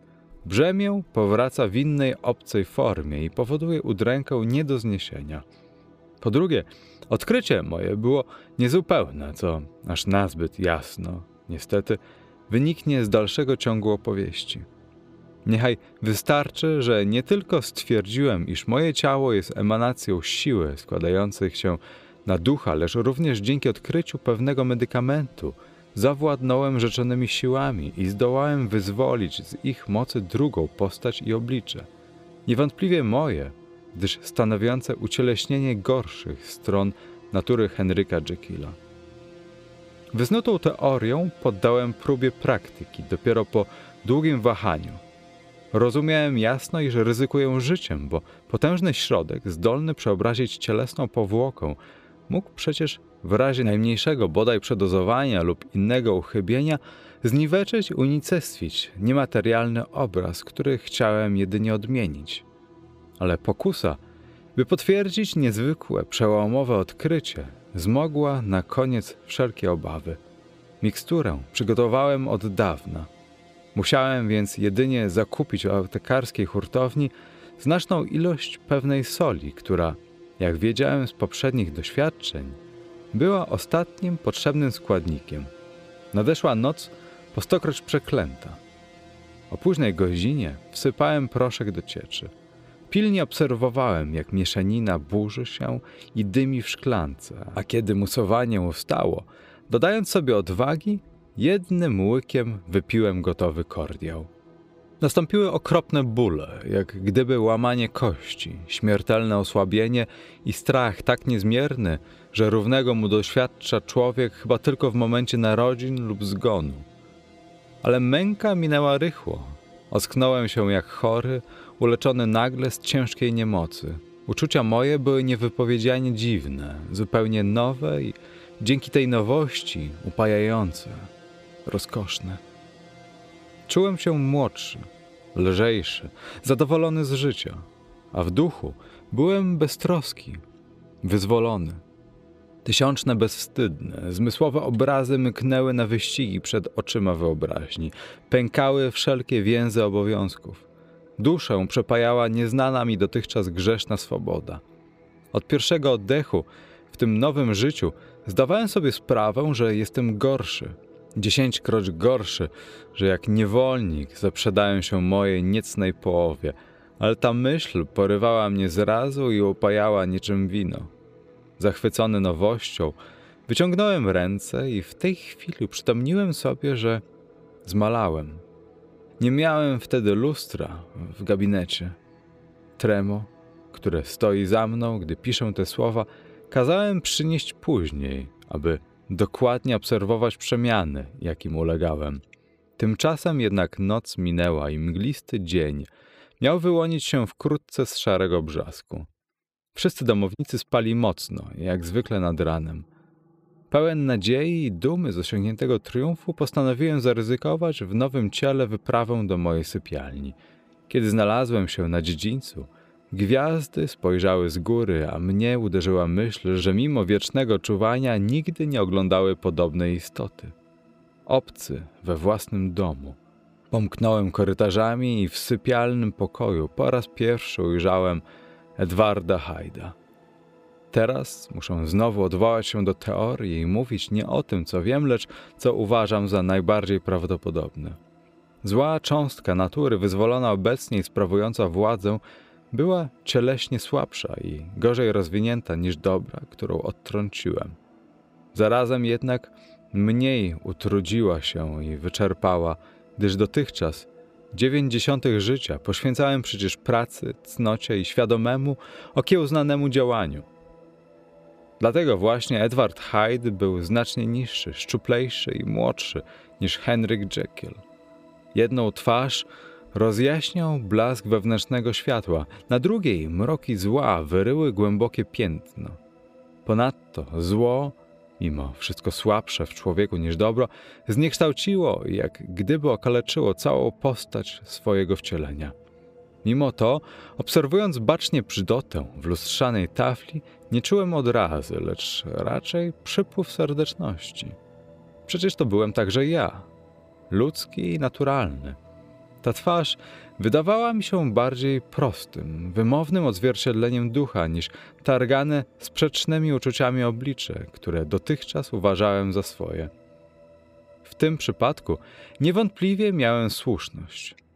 Wielokroć obserwowałem później, że gdy występowałem pod postacią Hajda, każdy, kto po raz pierwszy zbliżał się do mnie, odczuwał fizyczny wstręt, niepokój i obawę.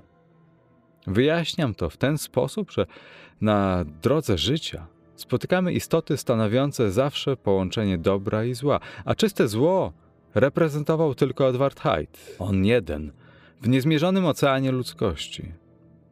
Niedługo marudziłem przed lustrem, bo czekał mnie jeszcze jeden, decydujący eksperyment. Należało się przekonać, czy nie na dobre utraciłem dawną osobowość, czy zanim dzień zaświta, nie będę musiał cichaczem umykać z nie mojego już domu. Szybko wróciłem do gabinetu, przyrządziłem i łyknąłem świeżą dozę leku. Po straszliwych mękach wyłoniłem się z nicości w poprzedniej postaci. Miałem wzrost, twarz i charakter doktora Henryka Jekylla. Tamtej nocy stanąłem na rozstajnych nogach. Skutki były fatalne. Gdybym na swoje odkrycie spojrzał z innej, godziwszej strony, gdybym ryzykowny eksperyment podjął w zbożnym, szlachetnym celu, wszystko wyglądałoby odmiennie, a z mąk narodzin i zgonu powstałby anioł zamiast czarta.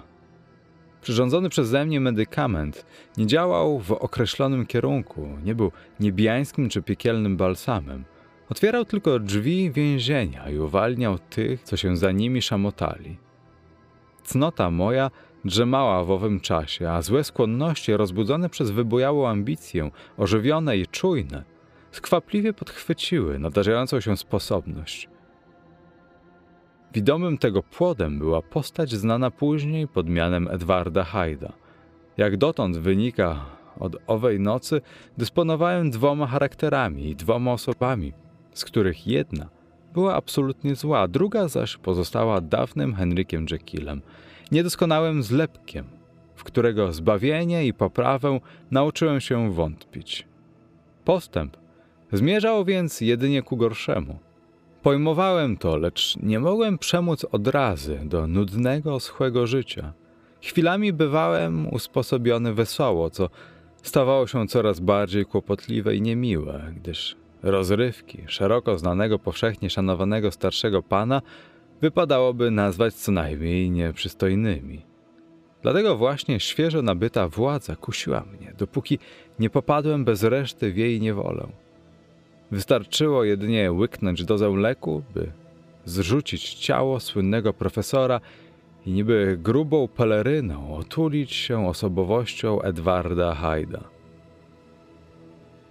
Myśl tę witałem uśmiechem, bo w owym czasie wydawała mi się niesłychanie pocieszna. Rozpocząłem staranne przygotowania. Wynająłem i umeblowałem dom w Soho, ten, w którym policja wytropiła później Hajda. Przyjąłem gospodynię, starszą niewiastą, dyskretną i absolutnie pozbawioną skrupułów. Ale nie na tym koniec. Opisawszy pana Hajda, zapowiedziałem własnej drużbie, by wpuszczała go do domu i słuchała we wszystkim, a chcąc uniknąć nieporozumień, kilkakroć pojawiałem się w drugiej postaci. Następnie sporządziłem testament, który oburzył cię tak srodze, drogi Atersonie. Gdyby jednak doktorowi Jekyllowi przytrafiło się nieszczęście, dzięki niemu mógłbym bez strat pieniężnych rozpocząć nowe życie w ciele Edwarda Hajda. Zabezpieczywszy się tak, jak sądziłem ze wszystkich stron, jąłem korzystać z osobliwego prawa nietykalności. Dawnymi laty ludzie najmowali zbirów, by zbrodniami nie kalać własnej opinii. Ja pierwszy w dziejach robiłem to dla rozrywki. Mogłem przed światem chodzić z podniesionym czołem, a zarazem na każde żądanie pozbywać się niedogodnych więzów i niby uczniak na wagarach dawać nurka w morze bezbrzeżnej swobody. Byłem bezpieczny. Nikt bowiem nie mógł przeniknąć niepojętej maski. Na Boga, przecież nawet nie istniałem. Niechaj przekroczę próg laboratorium, a w dwie sekundy zmieszam i wypiję cudowny kordiał. Wtedy Edward Hyde rozpłynie się w nicości, niczym para oddechu na lustrzanej tafli. Zastąpi go zaś człowiek, który drwić może z wszelakich posądzeń. Henryk Jekyll, co u siebie w domu objaśnia lampę w zacisznym pokoju do pracy. Rozrywki, na które sobie pozwalałem, były, jak się już rzekło, co najmniej niegodne, lecz w rękach Edwarda Hyda stały się wnet plugawe. Kiedy wracałem z nocnych wycieczek, często z niedowierzaniem rozmyślałem o swym straszliwym upadku. Osobnik wywoływany z mroków mojej duszy i spuszczany ze smyczy, by używał do woli, był łajdakiem, szczególnie złośliwym. Samolubny we wszystkich myślach i uczynkach, bezlitosny, niby posąg z kamienia po bestialsku rozkoszował się męką i cierpieniami innych.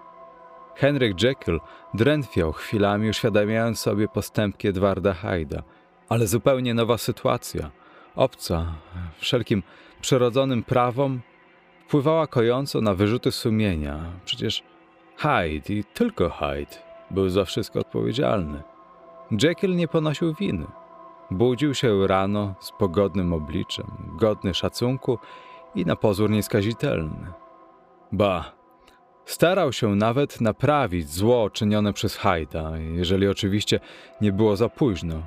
Dzięki temu drzemało sumienie doktora Henryka Jekylla. Nie myślę wchodzić w szczegóły hańby, którą się okryłem, bo nawet dzisiaj trudno mi uwierzyć, iż to ja popełniałem zbrodnicze uczynki – Pragnę tylko zwrócić uwagę na rozmaite ostrzeżenia i kolejne kroki, którymi zbliżała się nieuchronna kara. Pewien incydent, chociaż dość znamienny, wspomnę ledwie w kilku słowach, ponieważ obył się bez groźnych następstw. Hyde bezlitośnie potraktował dziecko. Oburzyło to przypadkowego przechodnia, jak się później okazało, twojego krewniaka – Lekarz i rodzice skrzywdzonej dziewczynki pośpieszyli mu z pomocą i przez chwilę bałem się o swoje życie. Chcąc załagodzić sprawę, Edward Hyde poprowadził prześladowców do drzwi laboratorium i wyniósł stamtąd czek z podpisem Henryka Jekylla. Nietrudno jednak było uniknąć podobnych niebezpieczeństw na przyszłość. Wystarczyło otworzyć w innym banku konto na nazwisko Edwarda Hyda, kiedy zaś pochylając inaczej pióro, Nauczyłem się świadczyć o swym rozdwojeniu, nawet podpisem. Sądziłem, że nie grozi mi pomsta losu. Pewnej nocy, mniej więcej na dwa miesiące przed zamordowaniem Sir Danversa Caru, wróciłem późno z awanturniczej wyprawy i nazajutrz obudziłem się pod szczególnym wrażeniem. Rozglądałem się po własnej sypialni. Dobrze widziałem jej wysokie ściany i znajome od lat cenne meble – Rozpoznawałem deseń zasłon przy łóżku i mahoniowe kolumienki baldachimu. Wszystko na próżno. Nie zdołałem odpędzić iluzji, iż znajduję się w Soho, w ciasnym pokoiku, gdzie nocowałem niekiedy pod postacią Edwarda Hajda. Uśmiechnąłem się do siebie i zacząłem dociekać psychologicznych podstaw takiej iluzji. Wreszcie zapadłem w rozkoszną drzemkę, nadal snując półsenne rozważania. Wreszcie ocknąłem się i bezwiednie spojrzałem na własną rękę. Otóż dłoń Henryka Jekylla jest szeroka, mocna, biała, miękka, typowa dłoń lekarza, sądząc z rozmiaru i kształtu. Sam to nieraz mówiłeś, Attersonie. Tymczasem pięść leżąca na kołdrze i wyraźnie widoczna w żółtawym świetle londyńskiego poranka była szczupła, sucha, sękata, ogorzała i gęsto porośnięta szczeciniastym włosem. Była to ręka Edwarda Hyda. Przez dobre pół minuty patrzyłem na nią w osłupieniu, nim przerażenie zbudziło się w mej piersi i zgrzytnęło niby zdruzgotane cymbały. Wyskoczyłem z łóżka, pobiegłem do zwierciadła, a to, co w nim ujrzałem, zmroziło mi krew w żyłach.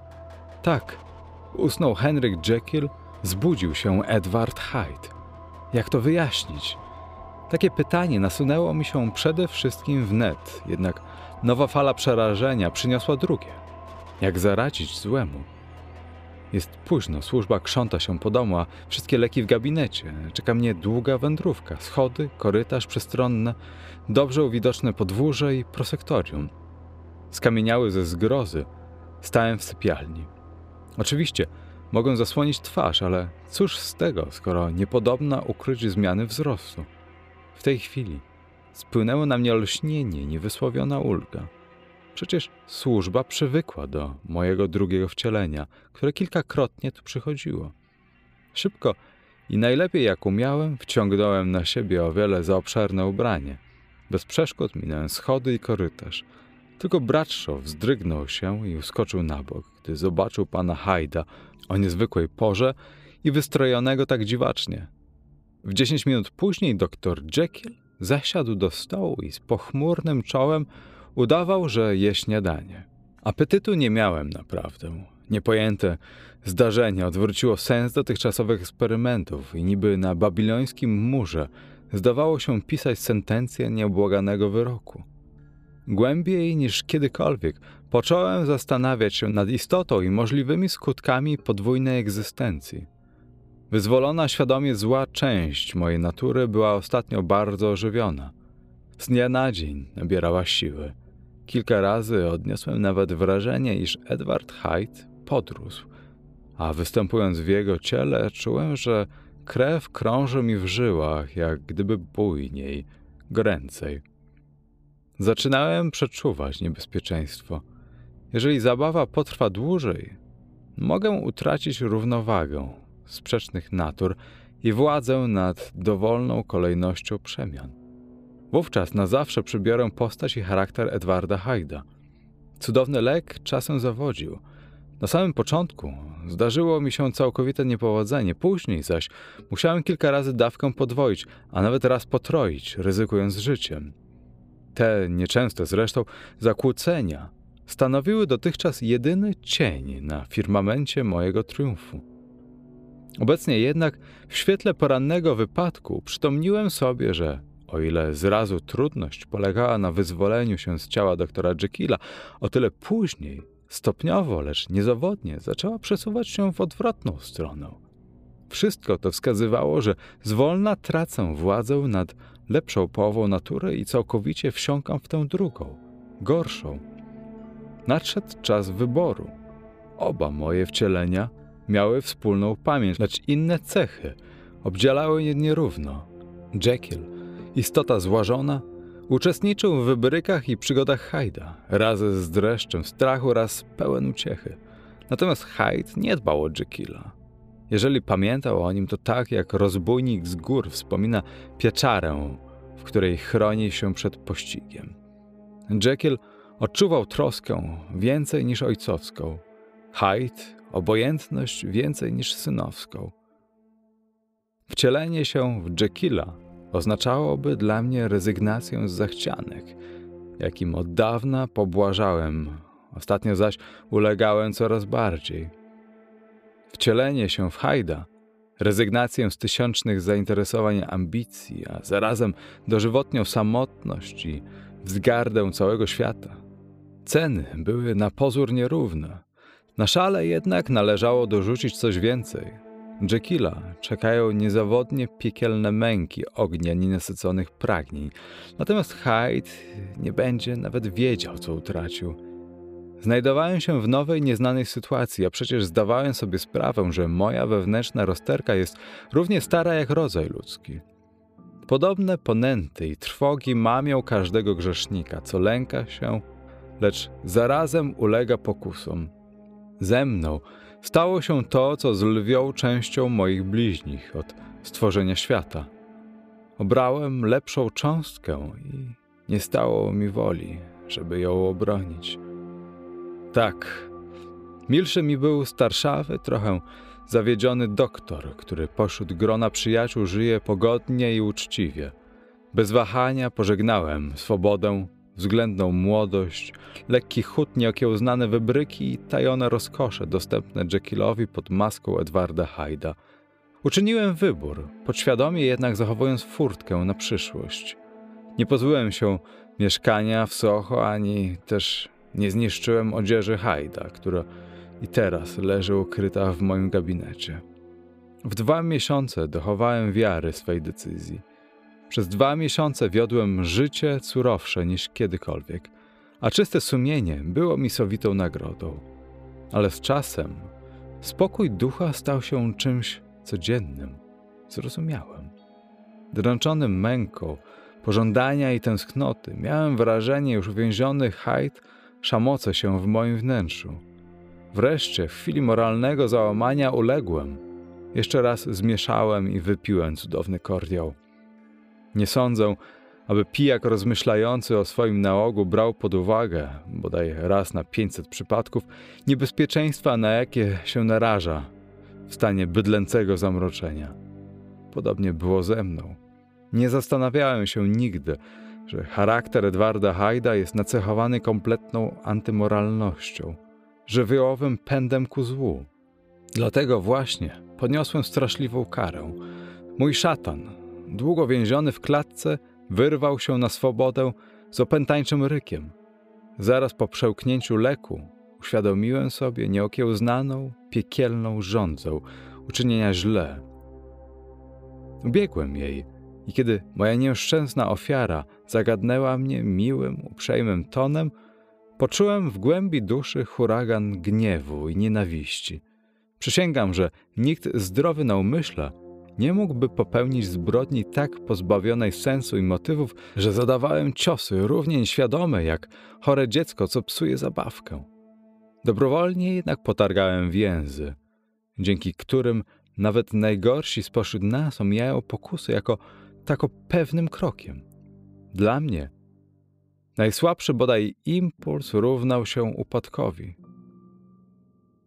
Duch piekieł ocknął się we mnie i rozszalał. W radosnym uniesieniu masakrowałem powalone bezwładnie ciało, a każdy cios sprawiał mi niewysłowioną rozkosz. Szaleństwo przybierało na sile, sięgało szczytów. Wreszcie zmogło mnie utrudzenie, a lodowaty strach boleśnie ścisnął serce.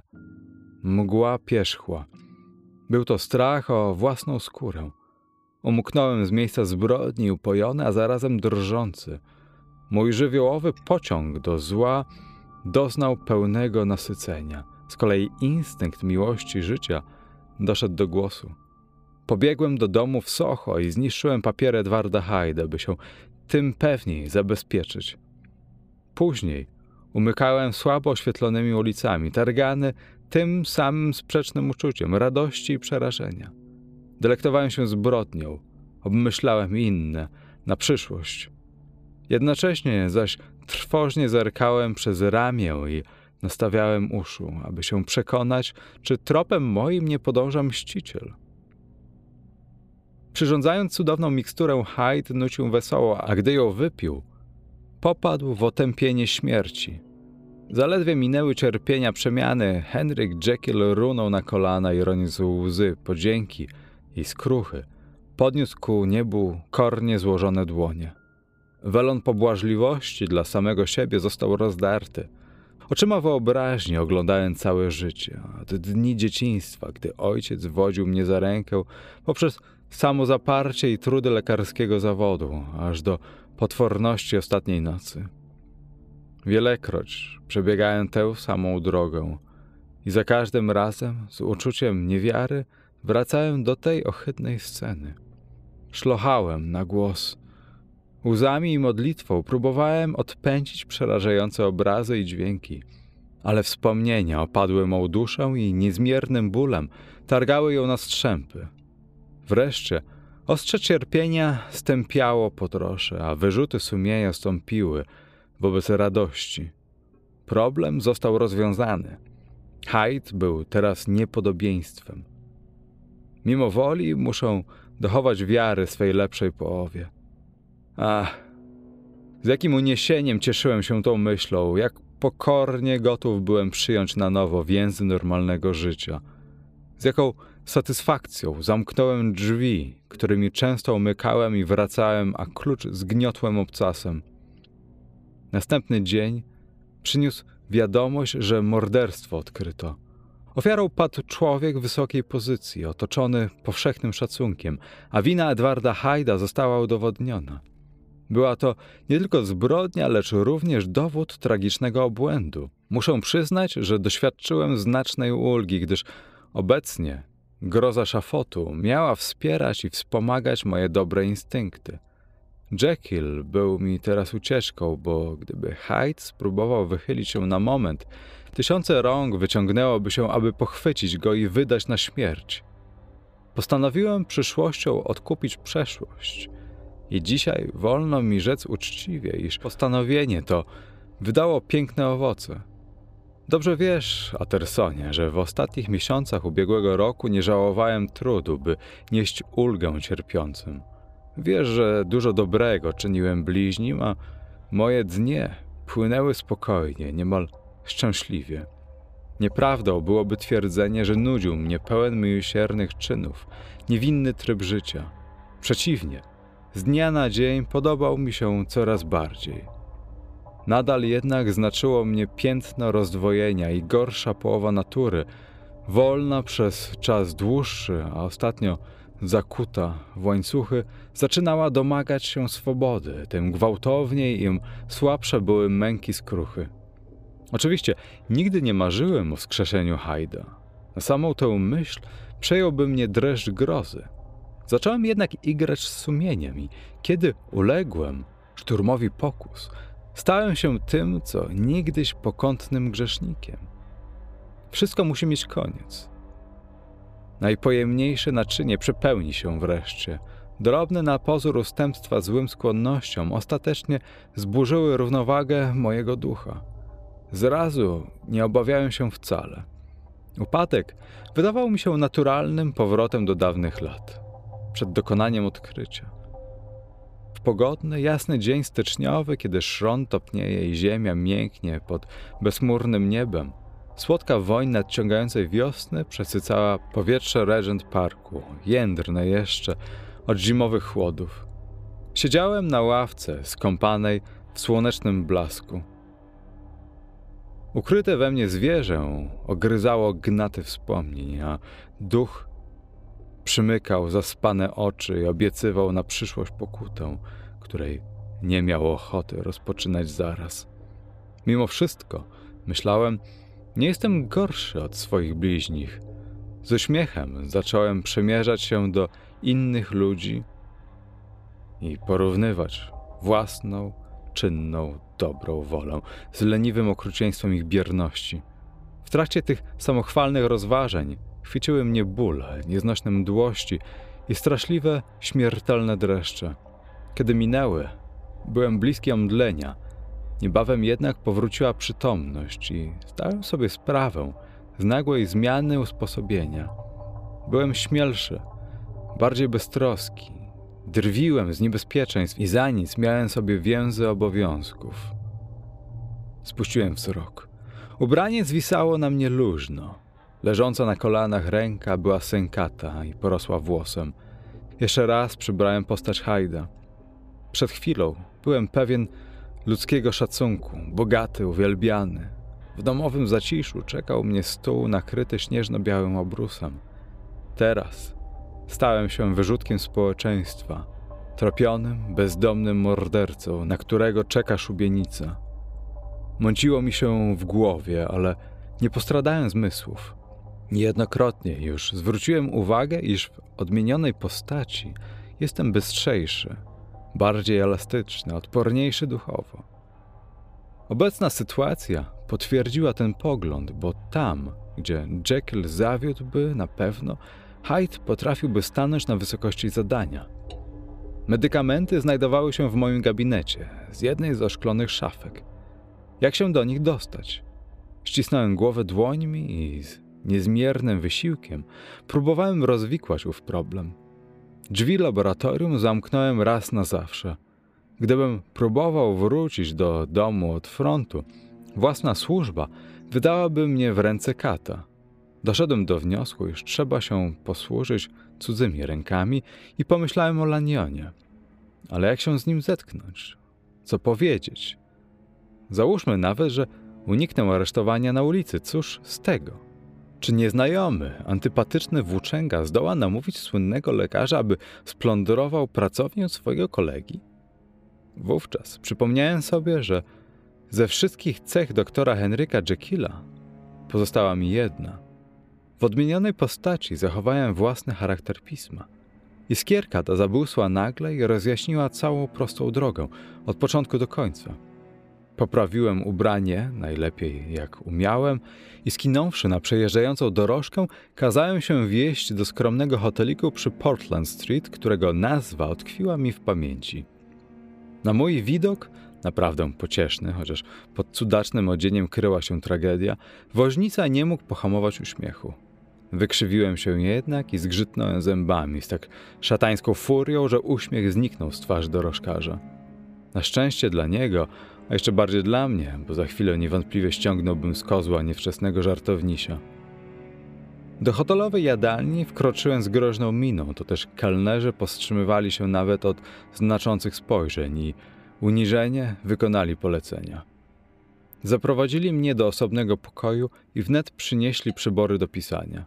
Hyde, zagrożony śmiertelnym niebezpieczeństwem, był dla mnie istotą zupełnie nową. Płonął szaleńczym gniewem, kipiał rządzą mordu, pragnął zadawać ból i rany, ale potrafił zdobyć się na przebiegłość. Niezmiernym wysiłkiem woli okiełznał furię i zredagował dwa tak ważne listy. Jeden do Laniona, drugi do Pula. Ba, Chcąc mieć niezachwianą pewność, że przesyłki nie zginą po drodze, kazał je nadać jako polecone. Resztę dnia spędził w hotelowym pokoju, a że nie pozostawało mu już nic do zrobienia, gryzł palce w bezsilnej wściekłości. Obiad zjadł na miejscu, sam tylko w towarzystwie własnych strachów i kelnera, co, usługując mu przy stole, drżał i kulił się pod spojrzeniami niezwykłego gościa – z nastaniem nocy porzucił wreszcie kryjówkę i zamkniętą karetą kazał się wozić ulicami miasta, tam i z powrotem, tam i z powrotem.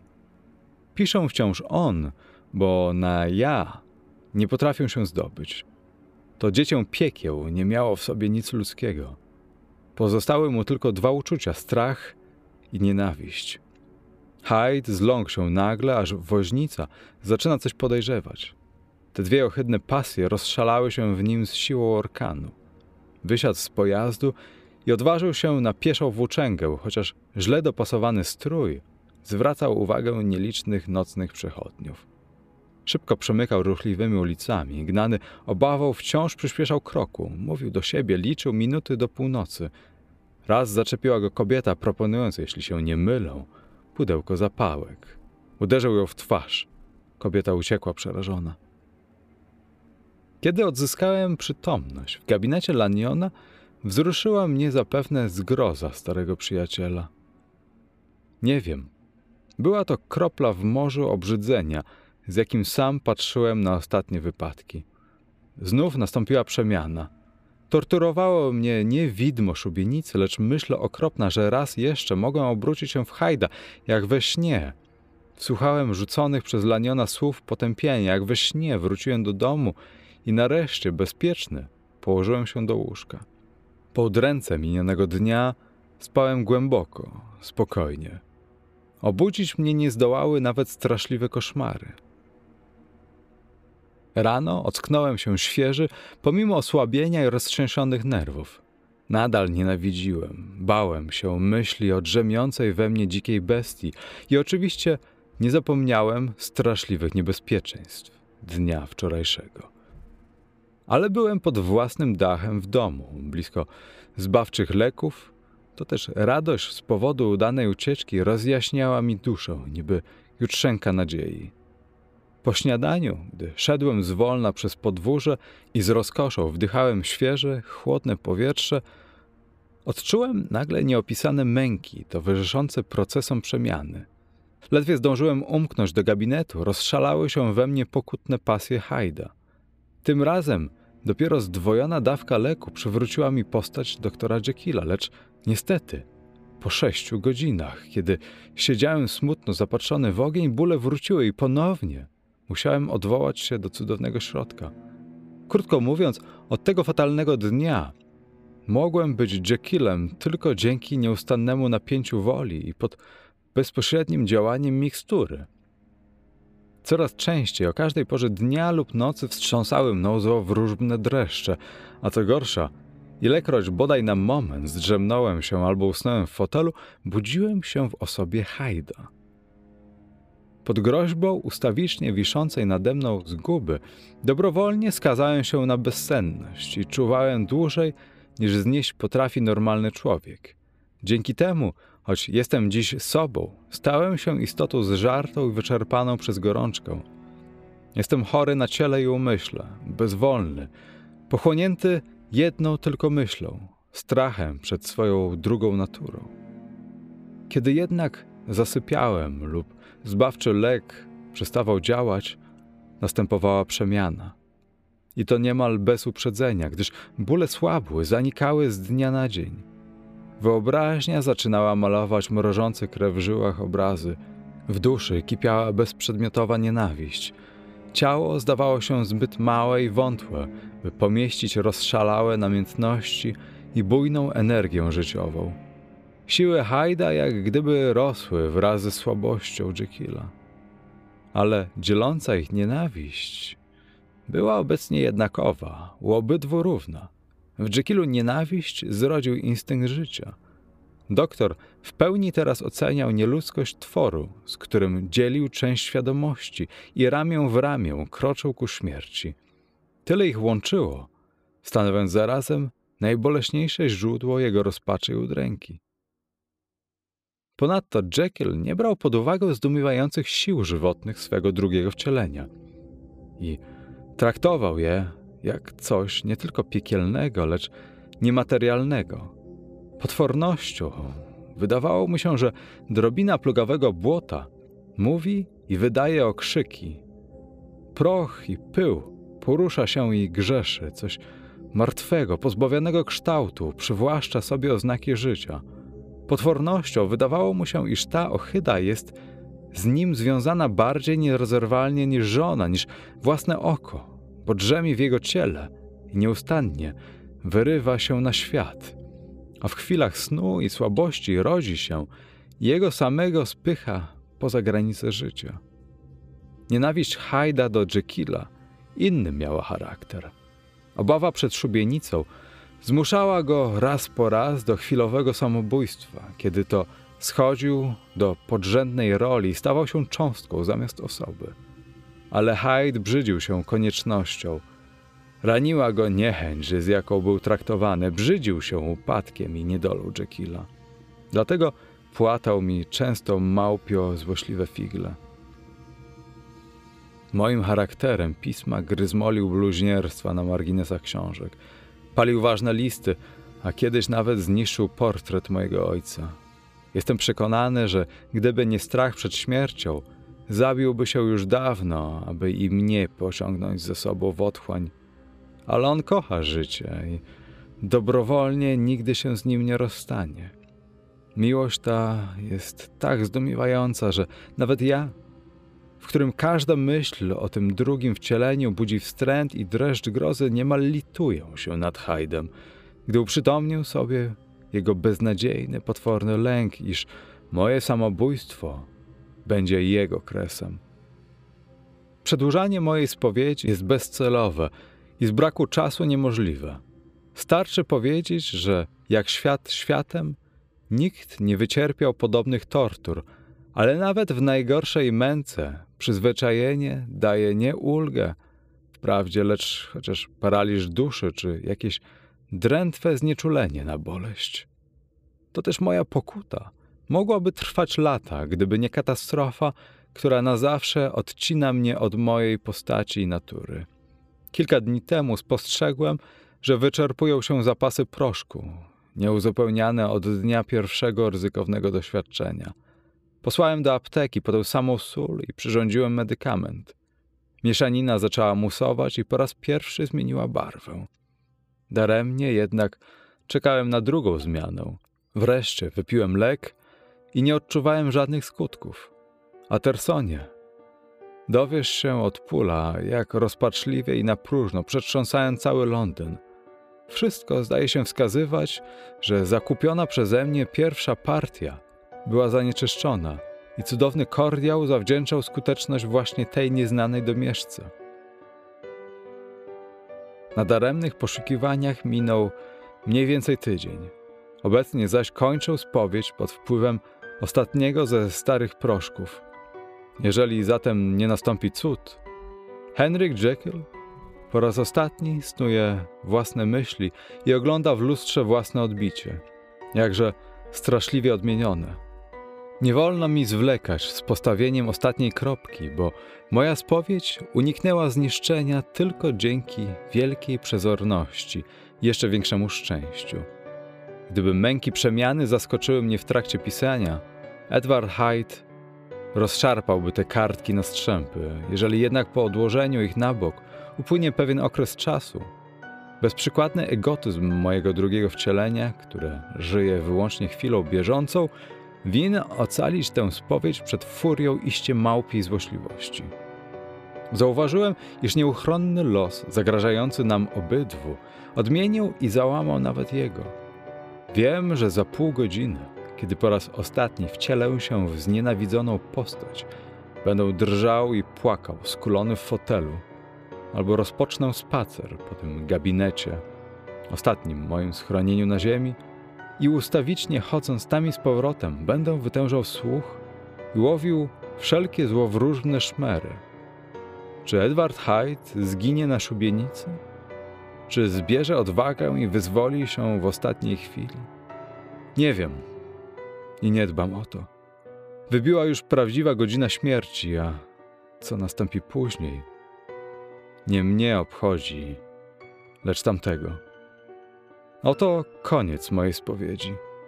Za chwilę odłożę pióro i zapieczętuję kopertę. Wówczas nieszczęsny Henryk Jekyll na wieki pożegna się z tym światem.